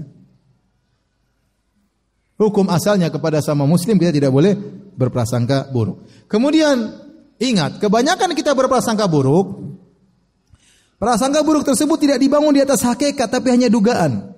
Contoh kita lewat misalnya kita lihat orang seorang teman kita berada di depan bioskop. Belum masuk, masih di depan bioskop. Kemudian mulai bersangka, oh ternyata si Fulan nonton bioskop. Taib, apakah anda sudah melihat dengan mata anda dia nonton bioskop? Bukan. Bukan. Belum. Keberadaan dia di depan bioskop belum tentu dia mau nonton bioskop. Belum tentu dia masuk bioskop. Paham? Kemudian di tempat lain Anda lihat dia di depan tempat prostitusi. Ternyata jenggotnya panjang tapi dia suka ke tempat. Lo Anda kan belum lihat dia berzina. Dari mana Anda berprasangka buruk? Maksud saya banyak prasangka dibangun di atas dugaan, tidak ada tidak ada kepastian, bukan hakikat, paham? Ini pertama, kebanyakan prasangka buruk seperti itu. Hanya sekedar berarti berarti berarti. Padahal belum tentu berarti demikian. Yang kedua, kebanyakan prasangka buruk timbul gara-gara apa? Anda sama dia ada masalah sebelumnya. Maka Anda selalu bawa kepada makna yang yang buruk. Kalau teman kita biasanya kita berprasangka baik, tapi kalau kita ada masalah sama dia sebelumnya kita bawa kepada makna yang yang buruk, menunjukkan ada penyakit hati Anda sehingga Anda kemudian berprasangka yang buruk kepada kepada dia. Hati-hati terutama dalam kehidupan rumah tangga, ya. Kita jangan menjadi intel bagi pasangan kita. Selalu berprasangka buruk kepada istri, istri juga selalu berprasangka buruk kepada suami. Kalau suaminya datang pulang lebih cepat, Mas, kok pulang lebih cepat sih Mas? Ada apa ini Mas? Ayo Mas. Loh saya rindu sama kamu. Enggak, Mas biasanya pulang enggak jam segini. Dia pulang lebih cepat salah. Pulang terlambat juga demikian. Kenapa Mas pulang terlambat? Tadi ngapain aja? Jadi semua yang dia lakukan apa? Salah. Pulang lebih cepat salah, pulang terlambat juga salah. Belikan hadiah, Mas ada maunya nih beli hadiah buat saya. ya memang ada maunya memang. Ini maksudnya semua ngapain kita hidup dengan prasangka buruk? Jangan hidup rumah tangga seperti tidak enak. Hanya kesengsaraan yang kita dapatkan. Kemudian kata Allah Subhanahu wa taala wala tajassasu, jangan kalian bertajassus. Dalam qiraah yang lain wala tahassasu, jangan kalian bertahassus. Apa bedanya tajassus sama tahassus dalam hadis kata Nabi, la tajassasu wala tahassasu, jangan bertajassus, jangan bertahassus. Banyak tafsiran namun di antara tafsiran ada yang mengatakan tajassus adalah mencari-cari keburukan orang dengan melihat. Tahassus mencari-cari keburukan orang dengan mendengar-dengar. Ada apa ini? Mendengar-dengar. Ini tafsiran. Tafsiran kedua, tajassus adalah Anda mencari-cari keburukan seorang dengan Anda mencarinya sendiri. Anda buka internet, mulai ngecek sana, ngecek sini. Tahasus mencari keburukan orang dengan bertanya kepada orang lain. Gimana sih fulan? Gimana sih? Namanya tahsus. Dua-duanya dilarang. Tidak boleh kita mencari-cari keburukan orang. Ya ikhwan, kita ini bersyukur kalau Allah menutup aib orang dari mata kita. Kita bisa hidup lebih bahagia. Kita tahu urusan orang, kita tuh nggak tentram hidupnya. Apa saya tentram? Saya ini sering didatangi orang di rumah, ada masalah rumah tangga, masalah ini, masalah ini, kasus ini, kasus ini. Saya dengar semuanya. Mereka ingin nasihat dari saya, tapi saya sendiri pusing. Akhirnya saya jengkel sama si fulan, padahal saya tidak ada masalah sama dia. Tapi saya tahu keburukan dia, saya dijengkel, ya atau tidak? Ya jengkel lah, kurang ajar tuh orang. Padahal saya nggak ada masalah sama dia. Saya bilang saya tidak mau dengar mereka ustaz, saya itulah nasib ustaz. Ya. Mau apa lagi? Datang orang sampai empat keluarga di rumah, masalah poligami semuanya datang. Jadi saya bisa merasakan betapa beratnya berpoligami.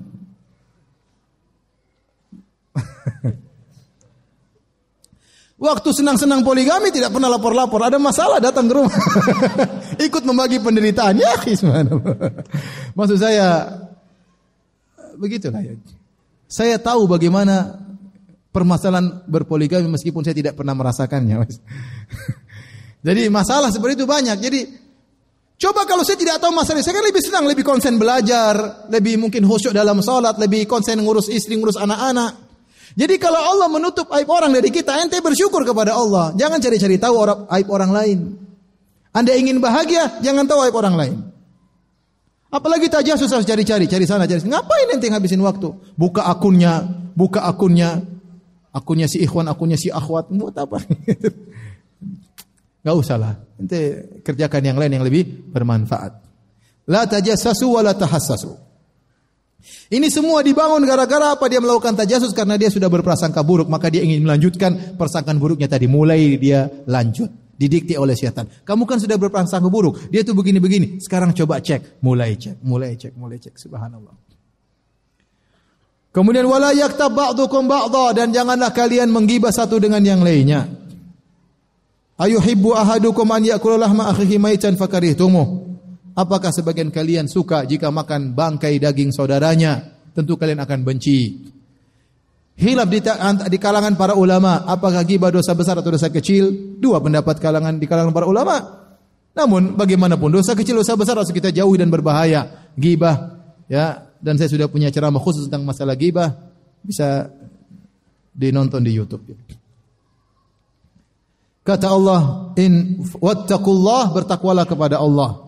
Kelaziman dari takwa maka jangan berprasangka buruk. Kelaziman dari takwa maka jangan bertajasus, jangan bertahasus. Kelaziman dari takwa kalau ente bertakwa jangan suka gibah. Kalau Anda merasa diri Anda bertakwa, anti ibu-ibu merasa diri bertakwa.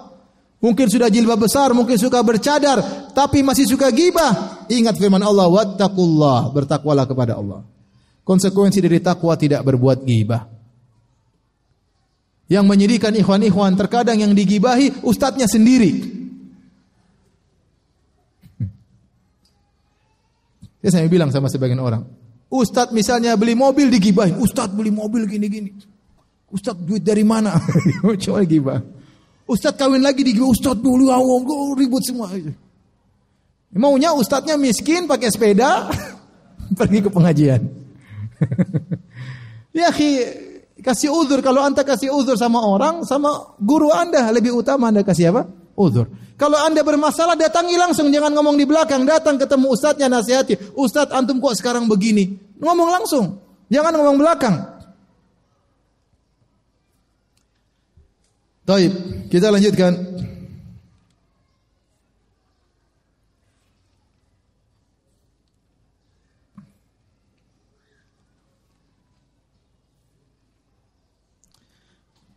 Ya ayuhan nasu inna khalaqnakum min dzakarin wa untha. Wahai orang yang beriman. Wahai manusia sekalian, sungguhnya kami telah menciptakan kalian dari laki-laki dan perempuan. Wa ja'alnakum syu'uban wa qabaila ta'arafu dan kami jadikan kalian berbangsa-bangsa dan berkabilah-kabilah untuk kalian saling mengenal. Inna akramakum indallahi atqakum innallaha alimun khabir. Sungguhnya yang paling mulia di antara kalian adalah orang paling bertakwa di antara kalian. Sungguhnya Allah Maha mengetahui lagi Maha alim khabir yaitu khabir mengetahui yang perkara-perkara detail. Baik. Ayat ini Allah buka dengan ya ayuhan nas, wahai manusia sekalian. Dan ini biasanya ciri khas dari surat Makkiyah. Namun kata para ulama ini juga ayat madaniyah. Hanya saja Allah mengatakan ya ayuhan nas agar ayat ini umum. ya mencakup ya manusia sekalian ya. Apalagi yang datang kepada Nabi waktu di Amul Wufud, sebagian mereka mungkin belum beriman, belum masuk Islam. Atau di sebagian mereka masih belum kuat keimanannya, maka tidak dikatakan sebagai orang beriman. Namun ayat ini turun di Madinah. Ayat ini menjelaskan, mengingatkan kepada kabilah dan bangsa-bangsa. Sikap kabilah-kabilah biasanya fanatik kabilahnya. Dan biasanya mengejek kabilah yang lain. Maka Allah ingatkan, jangan demikian. Kalian itu diciptakan dari zakar wa unsa, dari satu nenek moyang sama, dari Adam dan Hawa. Maka Allah ciptakan kalian berbangsa-bangsa, bersuku-suku bukan untuk saling mengejek-mengejek. Tapi untuk saling mengenal. Tujuannya bukan saling mengejek. Dan itu sifat, terkadang sifat dasar kabilah, ta'asub dengan kabilahnya, merendahkan kabilah yang lain. Dan itu terjadi. Ya. Makanya kata Nabi SAW, La fadla li Arabi ala ajami, wala li ajami ala Arabi, wala lil aswad ala al ahmar, wala lil ahmar ala al aswad. Kullukum min Adam wa Adam min turab. Kata Allah, kata Nabi SAW, kalian seluruhnya dari Adam dan Adam sudah dari tanah. Jangan sombong, Adam dari tanah. Tidak ada kemuliaan orang Arab terhadap selain Arab. Tidak ada. Dengar orang Arab. Tidak ada kemuliaan orang Arab selain Arab dan tidak ada kemuliaan selain Arab terhadap Arab. Tidak ada putih lebih mulia daripada hitam, tidak ada hitam lebih mulia daripada putih illa bittaqwa kecuali dengan ketakwaan. Kalau mau mulia dengan takwa. Allah larang bersaing-saing dalam urusan unsur, tidak boleh. Tapi Allah suruh bersaing dalam masalah takwa. Allah suruh bersaing dalam masalah apa? Takwa. Taib, apa bedanya? Ya. Syu'ub dengan kobail. Ada khilaf di kalangan para ulama dalam tafsir di antaranya yang mengatakan qabail maksudnya kabilah-kabilah Arab, syu'ub maksudnya bangsa-bangsa selain Arab. Tetapi sebenarnya sya'ab kabilah itu sebenarnya istilah istilah orang Arab juga. Saya kasih gambaran saja meskipun saya tidak hafal kabilah-kabilah tapi secara garis besar ya. Biasanya kalau saya di Jakarta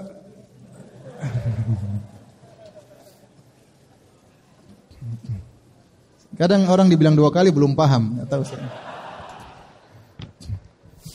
Baik, ya. Ada namanya al-ummah. Ummah al-arabiyah al-musta'rabah. Ada namanya al-ummah al-arabiyah al-aribah. Ini al-musta'rabah maksudnya walad Ismail anak keturunan Ismail. Nabi Ismail alaihissalam. Kenapa dibilang musta'rabah? Karena Nabi Ismail bukan Arab, tapi dia nikah sama wanita dari kabilah Jurhum, sehingga anak-anaknya dianggap Arab. Di antaranya Nabi Muhammad sallallahu alaihi wasallam. Al-Arab Al-Aribah maksudnya dari Kohton. Ini Arab asli. Jadi Kohton Nah, dari ummah ada namanya syu'ub. Kalau kita bilang apa? Bangsa-bangsa ya.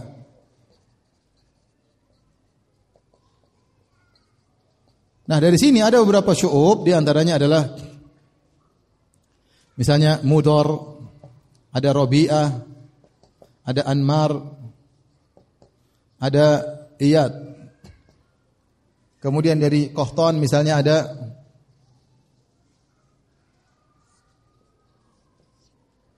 dari Kohton.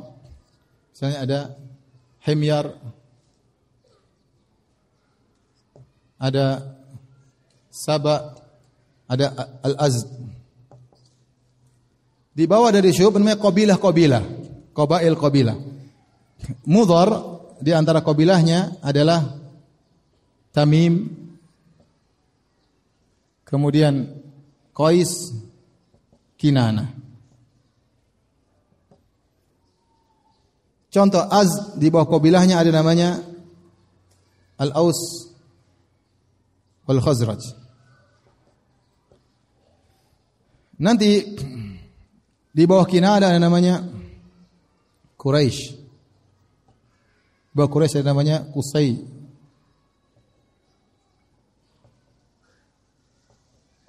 Qusay. Nanti di bawahnya ada Hashim.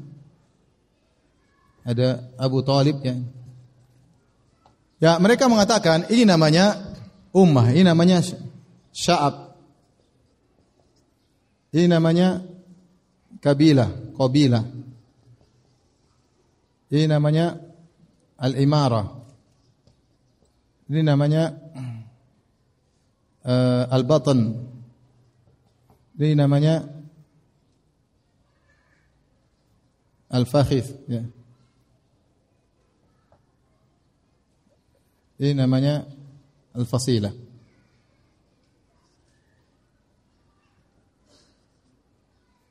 Jadi mereka turutin. Jadi kalau kita lihat di sini ternyata Bani Tamim Muhammad sallallahu alaihi dari sini Kinanah kembali kepada siapa? Mudhar. Paham? Makanya tadi waktu Bani Tamim memberikan hadiah kata Nabi, "Hadi sadaqatu qaumina." Inilah sedekah dari kaum kaum kami. Sama-sama kembali kepada Mudhar, Arabnya dari Adnan. Adnaniyah maksudnya keturunan dari Nabi Ismail alaihissalam. Ayat disebut dengan syu'ub wa qabail. Ini sebagian ulama menafsirkan demikian. Wa ja'alnakum syu'uban wa qabaila. Kami jadikan kalian berbangsa-bangsa. Ada Mudhar, ada Rabi'ah, ada Anmar, ada Iyad dan kami jadikan kalian kabilah-kabilah. Ada kabilah-kabilah masing-masing sya'ab ini ada kabilah-kabilahnya. Sekedar pengetahuan.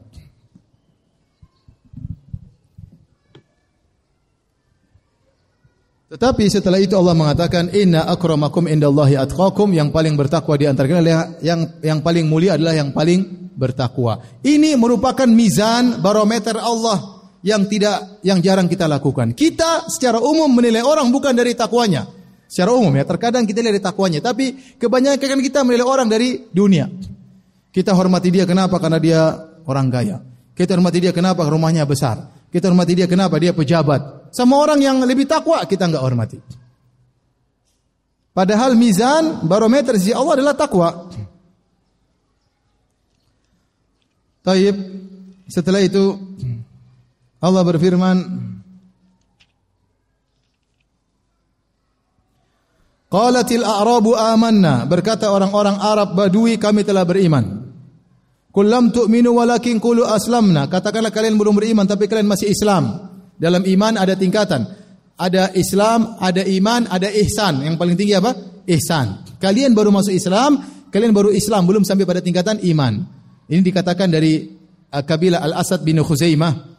Mereka datang dan mereka berkata, kami beriman. Katakanlah wahai Muhammad, kalian belum beriman, kalian masih baru tingkatan bawah. Walamma yadkhulul imanu fi qulubikum, iman belum masuk dalam hati kalian. Jadi tidak usah ngaku-ngaku beriman. Sementara iman kalian masih apa? Rendah, yaitu masih pada derajat Islam. Saya ulangi, derajatnya Islam, iman baru apa? Ihsan. Jadi kalian masih Islam, belum iman. Wa in Allah wa rasulahu la yalitkum min amalikum syai'an Allah ghafurur rahim. Kalau kalian taat kepada Allah dan Rasulnya, Allah tidak akan mengurangi amalan kalian sama sekali. Sungguhnya Allah Maha Pengampun lagi Maha Penyayang. Kemudian Allah jelaskan apa orang beriman yang sungguhnya. Kalau kalian ingin mencapai derajat iman, lakukan ini. Kalian baru Islam, belum iman. Apa iman? Innamal mu'minun alladzina amanu billahi wa rasulih. Orang beriman itu yang beriman kepada Allah dan Rasulnya. Sumalam yartabu, kemudian tidak ragu dengan imannya. Ini penting. Orang kalau beriman harus belajar. Karena sekarang syubhat terlalu banyak. Bikin orang ragu dengan imannya. Bikin orang ragu dengan manhajnya. Bikin orang ragu dengan akidahnya. Dan itu banyak tersebar. Kalau orang tidak belajar, dia akan ragu sendiri. Dan itu bahaya.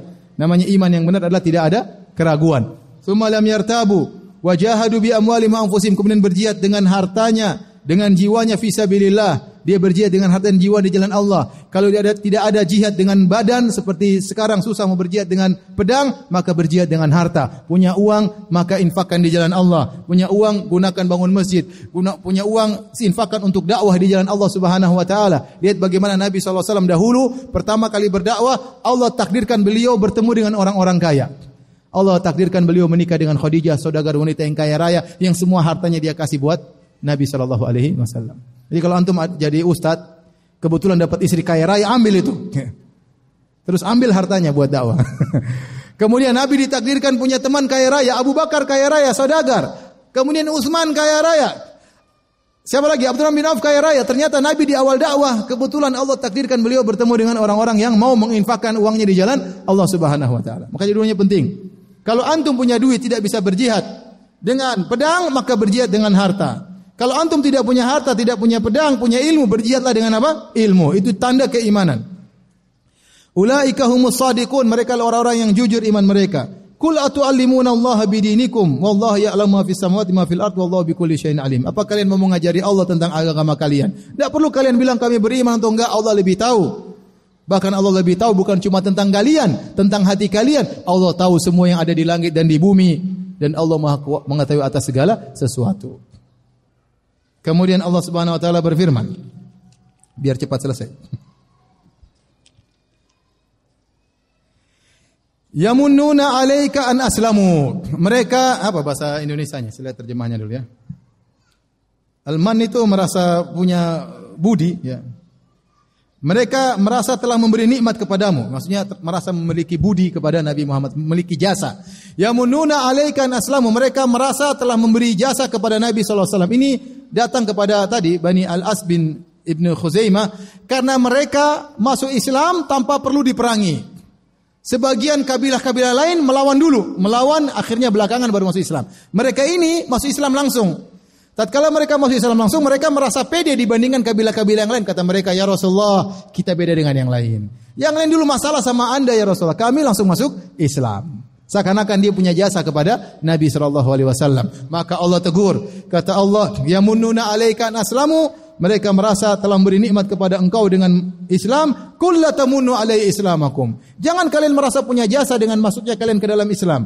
Balillahu yamunu alaikum. Dan justru sebaliknya, kalian masuk Islam itu anugerah dari siapa? Allah Subhanahu wa taala. An hadakum lil iman, di mana Allah berikan kalian hidayah kepada iman in kuntum sadiqin kalau kalian benar-benar jujur iman kalian, innallaha ya'lamu ghaibas samawati wal ardi wallahu bikulli basirum bima ta'malun. Sungguhnya Allah mengetahui perkara yang gaib di langit yang bumi. Jangankan yang terlihat, yang kita lihat, yang gaib saja Allah tahu, yang di langit dan di bumi. Wallahu basirum bima ta'malun. Allah Maha melihat apa yang kalian lakukan. Demikian saja kajian kita. Alhamdulillah akhirnya selesai. Tidak usah ada tanya jawab ya. Sampai sini saja ya. Demikian Subhanakallah bihamdik asyhadu an la ilaha anta. Assalamualaikum warahmatullahi wabarakatuh.